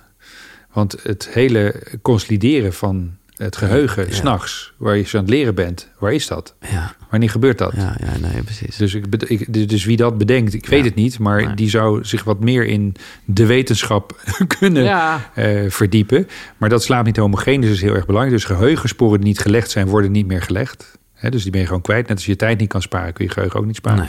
En weefselherstel, wat had moeten worden hersteld, herstelt zich ook niet. Nee. He, dus de kans op een blessure neemt ook weer toe. Bijvoorbeeld. Dus dat zijn even dingen die wel belangrijk zijn om een beetje bij uh, stil te staan. En dan kun je trachten in de nacht als je moet werken. En die informatie heb ik ook met je gedeeld, om dat gewoon te optimaliseren waar mogelijk. Ja. En, en hele belangrijke zit hem in voeding. Ja. dus dat is echt wel key. Uh, om daar gewoon echt goed naar te kijken. Voldoende te bewegen. Te zorgen dat je veel licht uh, om je heen hebt. Uh, want dat echt zijn, licht? Ja, echt lekker fel licht. En ik ga nu meedoen aan een heel mooi experiment. en dat heet de Good Light Group. En we gaan een heel groot experiment starten om de invloed van licht nog verder te onderzoeken. Uh, en dat gaat over 30 dagen heen. En er zijn een aantal hele interessante start-ups in de buurt van Eindhoven. Hoe kan het ook anders? De stad van de licht. ja, precies. Um, en die enorme mooie uh, ja, lampen nu ontwikkelen om zeg maar uh, daglicht te simuleren. Okay. En ook vooral in uh, bejaardenhuizen waar mensen te weinig buiten komen, te weinig ja, daglicht binnenkrijgen, te weinig serotonine, serotonine binnenkrijgen. Om die toch te helpen doordat ze, ondanks dat ze minder naar buiten gaan, zich beter, fitter en vrolijker. Maar van die brillen met licht of ook zo? Met wat? brillen met licht, ja, maar vooral ook zeg maar gewoon hè, dit soort lampen die hangen, maar dan Ja. met een heel ander spectrum erin. Ja. Nee, ik dat- heb ooit, eh, ja, super slecht, maar dat was in die tijd het ra- radiorecord verbroken. Oh ja? Eh, Hoe lang ben je dan niet gaan slapen? 198 uur. Jezus. Nou, dat is niet helemaal waar, want je mag dan bij eh, het Guinness Book mag je dan Ja. uren sparen. ja. Ehm, maar dat, dat heb ik volledig, nou ja, ook wel Ja. op wilskracht, maar voornamelijk door die lampen gehaald, Ja. omdat ik gewoon de hele tijd vette lampen had. En als ik dan wel even een soort powernapje mocht Ja. doen, dan... eh, Zo'n microdutje. Zo mi- Ja. nou, nou, ik zal je eerlijk zeggen, ja, voor jou is dat gesneden koek. Maar er waren dan ook momenten dat ik iets langer mocht. Ja. Nou, daar zag ik op een gegeven moment echt tegenop. Ja. Omdat ik gewoon dan echt zo gebroken Ja, weer wakker wordt. eh, wakker Ja, werd. Dat is. Goed, da- daardoor weet ik ook wel wat het met je hersenen kan doen en hoe je... Maar weet je, dus, eh, tijdens die nacht gebeuren zoveel dingen in je lichaam. Zo, hè, dus of het nou gaat om testosteron, om de werking van je darmen, om andere hele belangrijke hormonen zoals het menselijk groeihormoon en het melatonine. Melatonine is het belangrijkste hormoon ter voorkomen van kanker. Oké, Het is niet alleen maar omdat we zeggen, hey, dat is het hormoon wat de slaap uitlokt. Het is niet ons slaaphormoon, het is het hormoon wat de slaap uitlokt. Maar mensen die gaan op die schermpjes hangen en dit en dat en bla bla bla. Ja, het is allemaal niet zo belangrijk. Maar als jij met der tijd op termijn te weinig melatonine aanmaakt, kan dat gewoon ervoor zorgen dat je gewoon op termijn eh, te weinig afweer hebt tegen kwalijke cellen. Mhm. Dat is waar melatonine voor is. Ten tweede, slaap heb je in het boek van Matthew gelezen. Ja. Ja. De natural killer cells, ja, die je nodig hebt om eh, zeg maar slechte cellen eh, te laten verdwijnen, of in ieder geval te zorgen dat ze niet eh, ja, te actief worden. Als je te weinig slaapt, worden die gewoon tot 60, 70 minder aangemaakt. Ja. Dat gebeurt ook allemaal in je slaap. Mhm. Maar ik zeg het even, eh, want ik denk dat heel veel luisteraars nu denken... oh ja, nee, ik ga toch weer die melatoninepillen dan Ja. even gebruiken. No way. Zo werkt het dus nee, niet. helaas niet. Nee. En het- je moet er ook heel terughouden. Maar le- leuk is, hè, als mensen zich nou echt een beetje in het onderwerp willen verdiepen en gewoon er wel van houden om een beetje rond te googelen, dan hebben we iets dat heet het Nederlands Huisartsengenootschap. En die hebben hele goede richtlijnen voor hun huisartsen staan, ook over melatonine. Oké, En ga daar gewoon maar eens een keer naartoe. Typ maar eens in. NHG. maar help ons even, wat? Whatever. Hè? Nou, ik zal je vertellen wat er staat. Ja. Ik zal je vertellen wat er staat. Dat in 2% van de gevallen aangetoond is dat melatonine effectief werkt. En dat zijn bij mannen boven de 55 jaar. Bedoel je, ja. Ja, ik bedoel, jongens, en wat zijn we dan met elkaar aan het doen? Het ligt in elke drogisterij. Ja. En het wordt jonger en jonger eh, gegeven. En er is nog één moment dat melatonine echt kan werken en helpen. En let op, het is een hormoon. Hè? Het is niet een een of ander, eh, weet ik veel wat, aminozuurtje of weet ik. Nee, Nee. je neemt een hormoon. eh, is bij een jetlag. Daar kan het ook heel erg goed werken. Maar voor de rest moet je er gewoon met een grote boog omheen gaan. duidelijk. Ik wil nog even naar mijn persoonlijke ding, want ik heb mijn, eh, ik, ik ben benieuwd of, eh, hoe jij er tegenop staat. Ik heb dus eh, nu recent, het is ook een beetje trial and error natuurlijk, heb ik het ietsjes aangepast, waardoor ik nu zeg maar... Want eerst had ik het bijna 50-50. Nou, dat werd helemaal niet echt... Toen deed ik vijf uur ervoor, drie uur daarna. Ja. En nu doe ik dus, maar ja, ik weet niet of dat met het, met het herstel, zeg maar, bij de tweede slaap werkt. Nu doe ik het liefste zes uur ervoor en anderhalf daarna. Uh, hoe meer slaap je van tevoren kan pakken, ja, oké. hoe beter. Dus dat klopt wel. Ja. Oké. Okay. Want je moet die kernslaap pakken. Ja.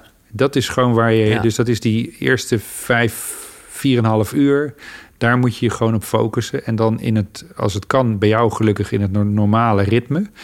dus stel dat jij, ik weet niet of je een ochtend- of avondmens... ik dacht dat je eerder een avondmens ja, uh, bent. dus dan zou jouw moment dat je zeg maar... Uh, Normaal zou het ergens rond half twaalf zijn dat je een normale melatoninepiek hebt. En daarna word je moe, ga je bedje in en ga je normaal een volle nacht slaap uh, tegemoet. Maar nu stap jij om een uur of twee je bed het, als ik het goed Ja, ik uh, heb er drie van gemaakt. Of, fuck, fuck de voorbereiding. Ja, precies. Nou, oké, okay, dus je, maar, je pakt dat uur extra erbij. Ja. Dus dat is heel goed. En dan reken je gewoon terug en zorg dat je dan minstens die vijf ja. à vijf en een half uur pakt. En dan heb je je, je dingetje wat je doet. En ja. vervolgens wat je nog zou kunnen doen uit veiligheidsoverwegingen als je met de auto van A naar B gaat. Hè? Want vergis je niet in die moeheid, hè? Ja, uh, ja. die echt best wel. Uh, en het zijn, we hadden het net over microslaapje, maar een microslaapje is eigenlijk een seconde of een paar seconden dat je gewoon je brein helemaal stilstaat. Ja. En het gek is, uh, en niet dat ik hier nu iets ga propageren, dus laten we even voorzichtig zijn wat ik zeg. Maar als je uh, alcohol hebt genomen of je hebt drugs genomen en je kruipt, kruipt achter het stuur. Ben je scherper? Nou, het is minder erg dan. Uh, more or less. En Ja, wat wil ik ermee zeggen? Als je een, een, een tegenligger tegenkomt, dan doe je nog iets. Je trapt nog op iets of Ja. je trekt nog aan je stuur. Bij een microdutje doe je niets. Je gaat gewoon met ogen open, vol gewoon het gevaar tegemoet. En daarom is het echt wel belangrijk om, zeker als je eh, een nachtdienst hebt gedraaid en je merkt die vermoeidheid, om even misschien een kort powernapje daar te doen, van misschien 10, 12 minuutjes. Eh, en dan achter het stuur eh, te kruipen. En dan, als het kan, als het daglicht al vroeg eh, naar binnen komt, gewoon een zonnebril op te houden. Voordat je dan. En dan inderdaad meteen je mand in en dan nog Ja. een paar uur eraan vastplakken. Ja. En of dat een anderhalf uur is of twee of drie Ah, uur, dat moet jij maar even zien. Ja. Maar dat is wel in ieder geval al ehm, Ja, een goede iets- formule. slecht, ja. Een goede formule. En jij hebt me dus, eh, hè, jouw bedrijf is Sleepwise. Ik, ik gebruik eh, anti, nee, niet biotica, hoe noem je dat? Probiotica. Probiotica. Ja, ja. Wat heel erg belangrijk is voor allerlei mensen die nachtelijke diensten draaien, die zetten dus hun immuunsysteem enorm onder druk. Hè, omdat het lichaam niet het normale herstel kan volgen wat het normaal doet. En dat kan je darmen contamineren bijvoorbeeld. En dat kan ook bijvoorbeeld eh, allerlei andere eh, mogelijke klachten veroorzaken. En daarom zeg ik altijd, let in eerste instantie altijd eerst op je voeding. Hè, dus leuk hoor, pillen. Eh, dat is stap 1. 2, zorg dat je voldoende beweegt. Dat is ook Ja. een hele belangrijke. En derde, ga dan pas nadenken over eventuele su- supplementen. En dan is het in jouw geval zeker heel erg belangrijk om die darmflora op peil te houden. En waarom? Ons microbioom eh, stuurt onze masterklok.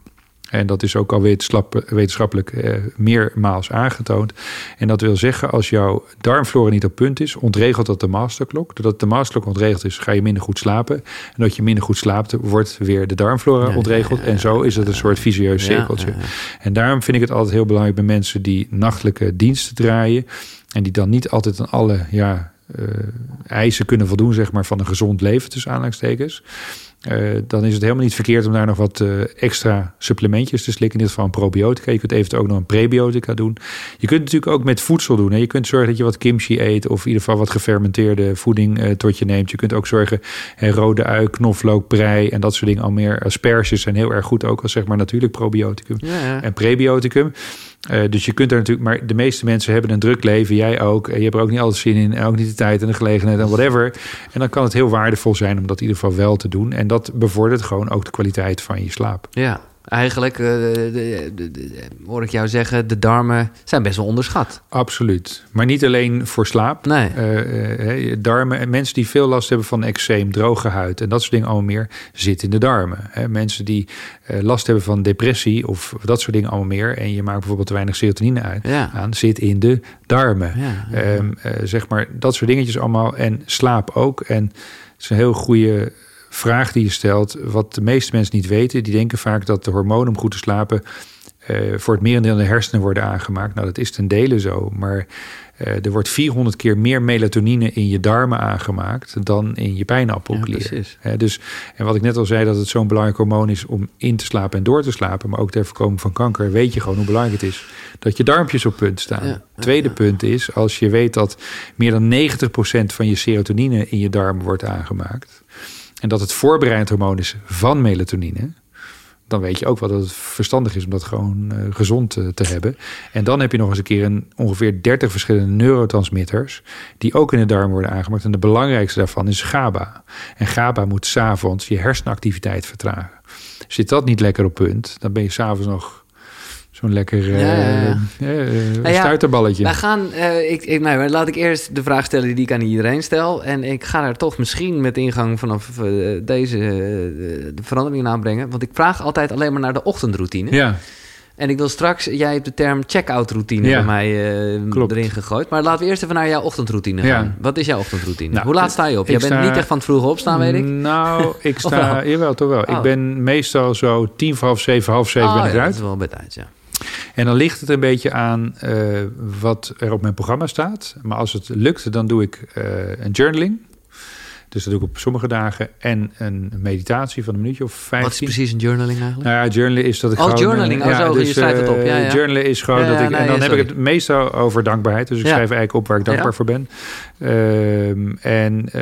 Um, daar leg ik dan met name uh, de focus. En ja. voor mij is mediteren meer de regelmaat dan de duur. Dus eh, voor mij hoef je daar niet een uur te gaan zitten. Nee.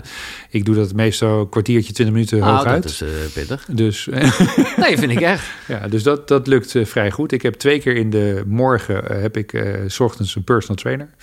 Dus daar doen we core, balance uh, en zeg maar een beetje hit training en dat soort dingetjes allemaal meer. Daar ben ik super, super blij mee. En dat kan ik iedereen alleen maar eh, aanbevelen. Dus ik doe altijd iets van bewegen of mediteren en journaling, iets in die richting. Ja. En als de personal trainer komt, dan ga ik niet meer hardlopen. Is die er niet geweest, dan ga ik meestal nog ongeveer een kilometer of vijf uh, s'morgens hardlopen in de buitenlucht. Want uh, het daglicht buiten is veel hoger in luxe. Hier binnen waar we nu zitten hebben we misschien 150 lux. Op een bewolkte dag buiten zit je aan 2000 lux. Nee, altijd beter. En waarom is het zo ontzettend belangrijk? Voor de aanmaak van serotonine. Ja. En het is gratis. Je hoeft er niks voor te doen. Dus ik ga meestal hardlopen. En door te lopen en te bewegen Ehm, in dit geval eh, maak je ook weer serotonine aan. Dus dat is een tweesnijdendste ja. waard. En als je het s'morgens doet, heb je de hele dag profijt van die lekkere hormoontjes. In die apotheek hier die boven mm dan uh, aan uh, gemaakt worden. Dus dat vind ik ook heel erg fijn. En jij bent wel van het ontbijt, hè? Ik ben absoluut van het ontbijt. Maar, dat is een goede vraag, Giel. want dit is een heet, heet, heet onderwerp. Ja. waar het om gaat is slaap wordt gereguleerd door wat ze noemen Zeitgebers. En Zeitgebers, het zal wel een Duitser zijn die het bedacht heeft. ik, weet, wel, ja. ik weet niet precies waar het vandaan komt, maar wij denken altijd dat wij ons lichaam van alles geleerd hebben, maar wij komen op de wereld en er zit al van alles in ons lichaam waar we van eens, niet eens weten dat het erin zit. Dus laat staan wanneer weten dat we honger hebben. Ja. Nou, er komt ergens een signaal naar boven dat we honger hebben. Wanneer weten dat we moeten plassen. Er komt ergens een signaal dat we moeten plassen. En dat geldt ook voor zeg maar de zeitgebers, dat het lichaam weet waar we op een dag zitten. Ja. Want slapen doen we in horizontale houding.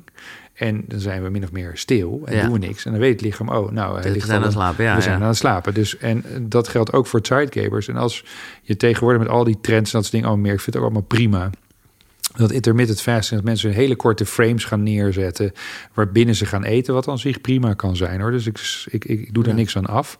Maar hoe weet je lichaam dan waar die zit op de dag? Nou ja, dat is een beetje de vraag. Kan je de, ik heb wel de indruk zelf ja. uh, dat het in het begin dat je echt denkt, nou, ik moet ontbijten, want ja. dat is gewoon wat je lichaam je ja. aangeeft ik heb de indruk in de categorie alles kan je trainen, ja. dat je ook deze sidegabers, weet ik niet, uh, kan aanpassen. Je, dat, dat, dat, klopt, maar als je uh, in die zin aanpassen, je kunt het een heel klein beetje meespelen, ja, dus je okay. kunt er wel wat mee schuiven. Maar ik denk dat heel veel mensen het woord breakfast niet goed begrijpen. En daarom heb ik dat al eens vaker aangehaald. Het is breaking the fast. Dus dat ja. wil niet zeggen dat je s morgens meteen een dikke bak muesli met een paar blauwe bessen en dikke yoghurt en weet ik wat moet gaan eten. Nee, het gaat er eerder om dat jij je hele spijsdienstelsel s morgens even een signaal geeft iets subtiels. Ja, hey guys, het is Ja, day. maar dan ben je dus niet aan het vasten. Maar ik snap het. Nou ja, goed, in die zin, het kan wat ik dan doe, want je vroeg naar mijn ochtendritueel. Ik maak dan een hele lekkere vers geperste celery juice met ginger, eh, Ah, ja, met een appeltje, met een komkommertje. En dat is wat ik drink. En pas om een uur of tien, dan begin ik eigenlijk pas aan mijn soort meal. En dat is mijn breaking the fast. Maar dat kan ook een kop koffie met melk zijn. Niet dat Ja. ik dat gezond vind, nee, maar dat maar... kan. eh, En het gaat om die breaking the fast. Dat is bij mij altijd zo ongeveer om een uur of acht. Dus Ja. ben ik al buiten geweest. heb nu je in de de sport al winter. gedaan? Heb ik Ja, de sport al ja, gedaan, ja, heb ik mijn dingetje gedaan. En dan eh, begin ik aan mijn, eh, mijn dag. En dan zorg ik ook dat wat ik eet, zeker tot een uur of twaalf, mijn bloedsuikerspiegel laag houdt. Dat is Ja, ook een hele belangrijke. Dus ik let ook heel erg op wat ik dan zeg maar eet. Want cortisol moet 's morgens hoog zijn, dat is ook weer een ander hormoon, en s'avonds laag. Ook door te sporten reguleer je al meteen 's morgens je cortisolniveaus, wat heel erg belangrijk is. Want te hoog cortisolniveau aan het eind van de dag is slaapkiller number one. Oké. Dus dat is ook weer een belangrijk hormoon. Ja. Je een beetje, maar dat is zeg maar globaal ongeveer mijn eh, ochtendritueel. Duidelijk. Eh, maar laten we gelijk doorgaan naar de check-out routine. Ja. Iets eh, die, wat bij mij nog niet echt aan de gang is. Althans, ik doe dan het journaling. Maar er zijn ook momenten dat ik denk, oh nee, ik ga wel slapen. Ehm, en, en ik moet zeggen, los van tandenpoetsen is nog niet heel erg ontwikkeld. Nee. Dus neem ons even mee eh, naar- je eigen, maar of naar, naar, wanneer, begin, wanneer begint de check-out routine Nou, de eigenlijk? check-out routine eh, gebeurt tegenwoordig eh, op twee niveaus. Eh, want in het verleden hadden we geen smartphones. Nee. Hadden we nog een telefoon met een draaischijf. Lekker. En die moet ik nu aan mijn kinderen uitleggen wat dat is. Ja. Want die hebben dat nooit gekend. Eh, ik chargeer nu een beetje, maar het is in ieder geval wel een beetje in die richting. Ja, Maar de eerste check-out routine die je moet hebben... is gewoon afscheid te nemen van al die schermen. ja. Super, super belangrijk.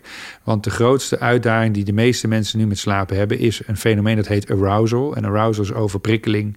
En ehm, doordat we aan die schermen plakken en kleven, in welke vorm dan ook, is dat gewoon helemaal niet goed A voor onze hersenpan. Dat is een soort flipperkast in feite.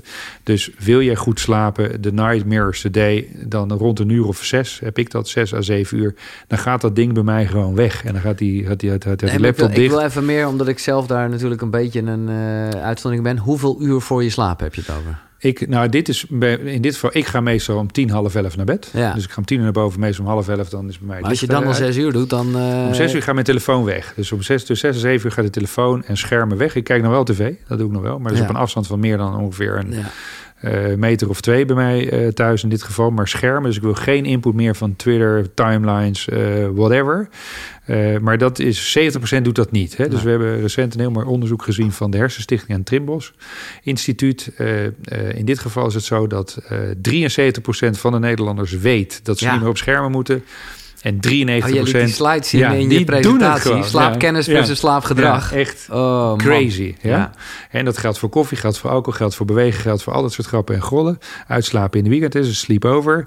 Nou, in ieder geval, dat is de eerste check-out routine waarbij je jezelf mogelijk de discipline kunt opleggen om daar gewoon mee te stoppen. Ja, En ook niet stiekem nog even voordat je naar bed gaat, nog even op die telefoon kijken. nee, No way. nee. Dus dat is check-out routine 2. Check-out routine 2 start bij mij 90 minuten voordat ik een maandje ga. Maar ik ben een freak. Mijn boek heet ook Die Goed Slapen, Beter Slapen. Heet Super Slapen. Ja, Ja, nee, dus tuurlijk, dat maar- wil zeggen, ik ga voor het optimum. Dus iets wat ooit eh, bij mij een blok aan het been was, was slaap, is nu een soort van asset Ding geworden. Nee, maar goed. eh, Laten we kleine stapjes doen. Eh, Maar, dus, dus, eh, ja. En een uur is ook al winst. Ja, daarom, je? dat bedoel ik. dus, Nou ja. dus wees ook daar niet al te streng met jezelf in dat opzicht. En dan eh, start ik met eh, te zorgen dat het licht al een beetje gedimd wordt. ja.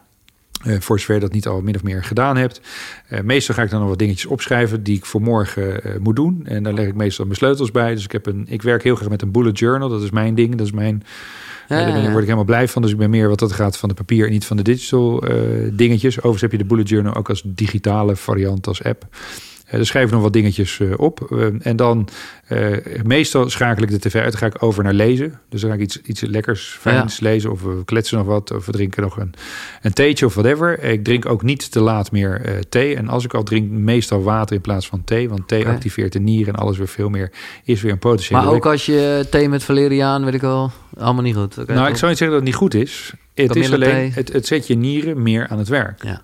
En als je water drinkt, heb je daar minder Ja, last van. Maar goed, dat is ja, eh, gewoon, dat mag iedereen voor zich weten. En dan doe ik meestal nog even een check of de deuren dicht zijn.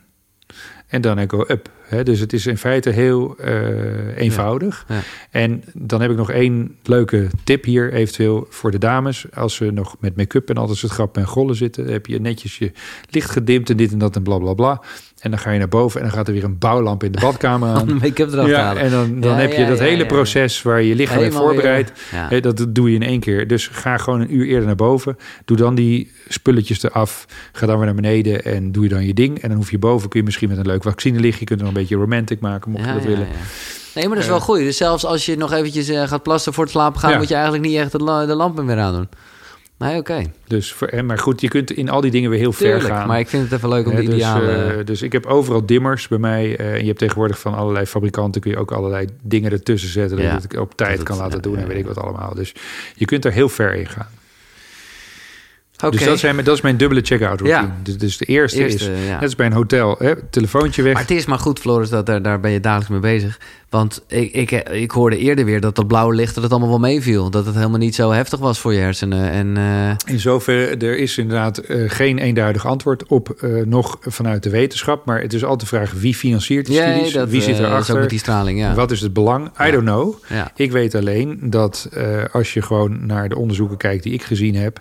dat het verkeerd getimede blauwe licht gewoon niet bevorderlijk is voor je slaap... als je ervoor gevoelig bent. Ik ga een heel leuk onderzoek erbij halen als ik daar nog even wat tijd voor heb. Het is zo dat ze hebben, eh, we hebben het over chronotypes gehad, ochtend- en avondmens. In Amerika hebben ze een groep gevraagd: wie is hier avondmens? Nou, dat ben ik en ik en ik en ik. Oké.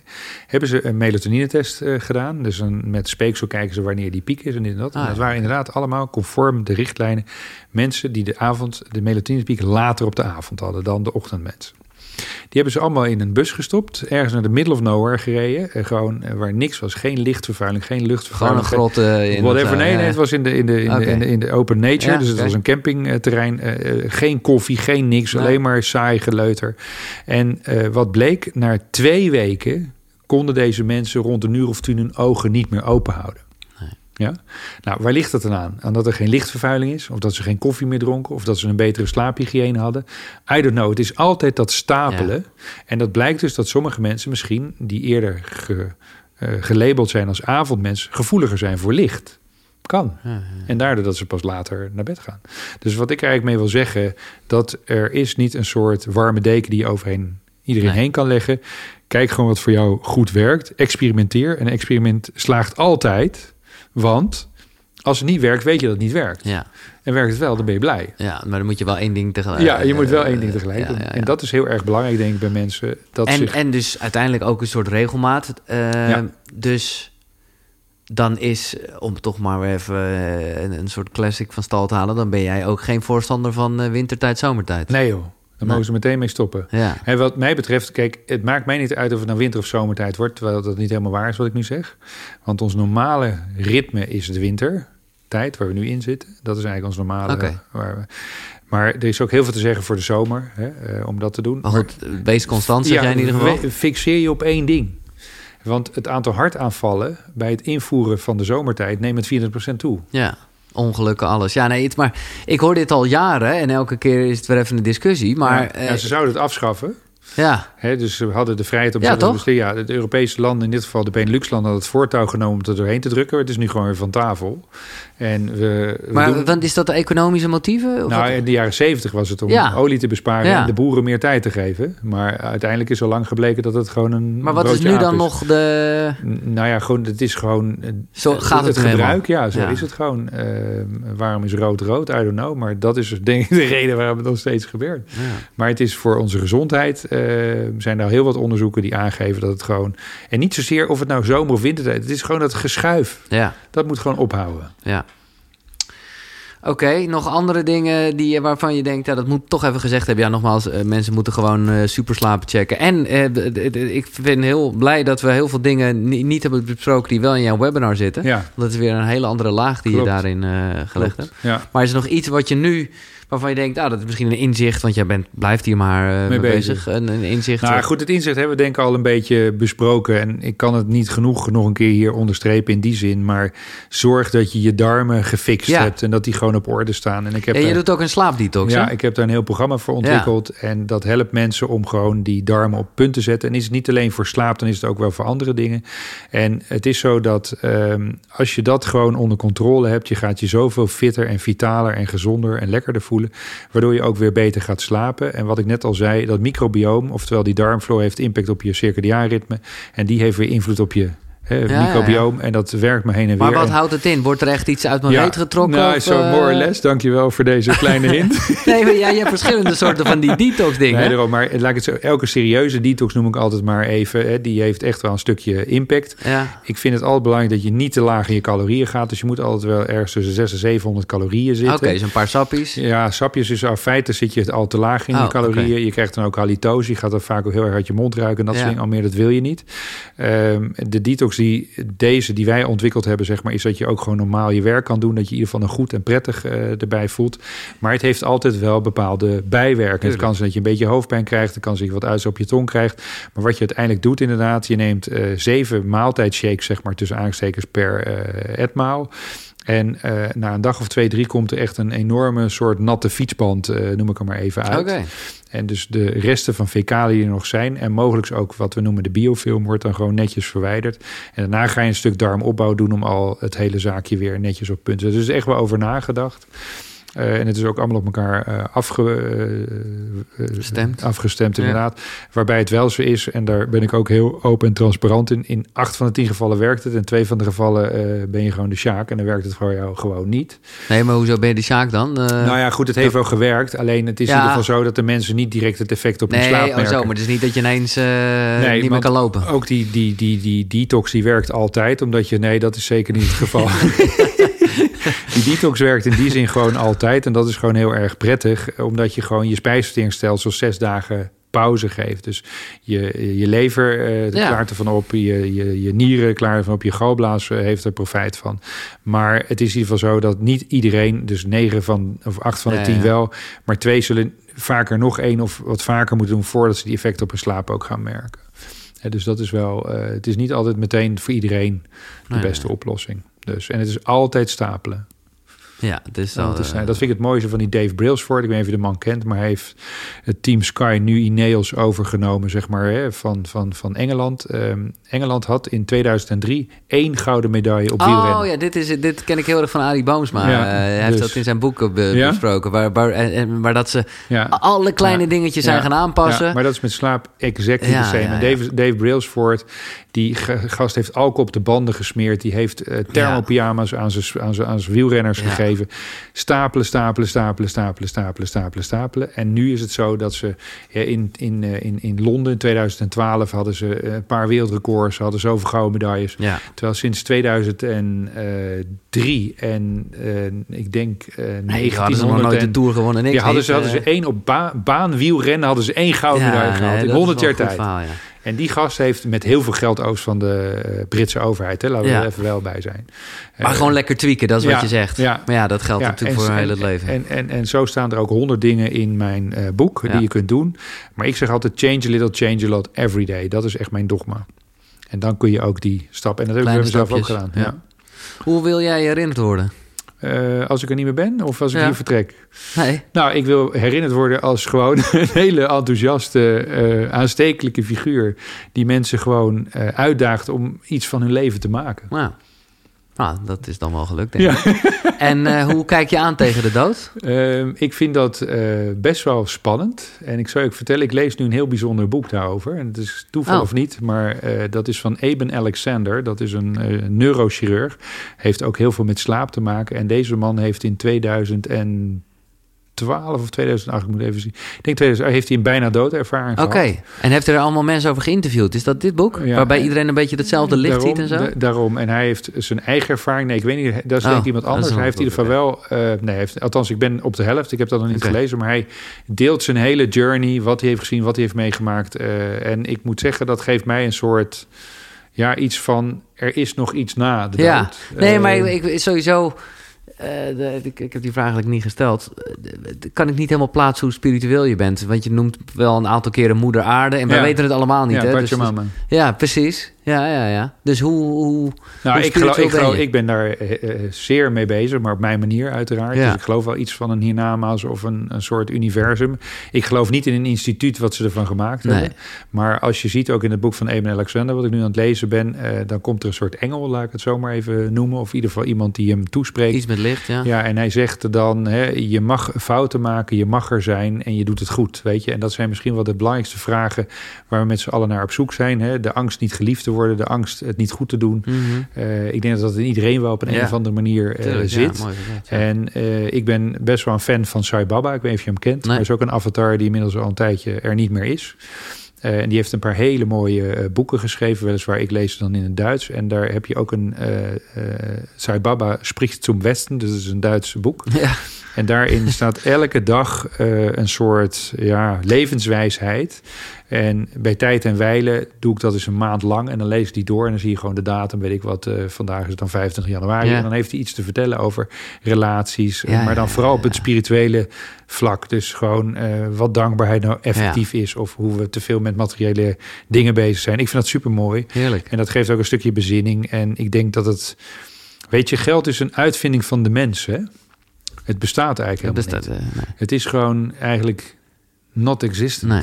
Hè? En eh, dan kun je dat wel najagen, maar wat jaag je dan eigenlijk na? Ja. I don't know. Ik denk dat, en mijn vader zegt altijd, het laatste hemd heeft geen zakken.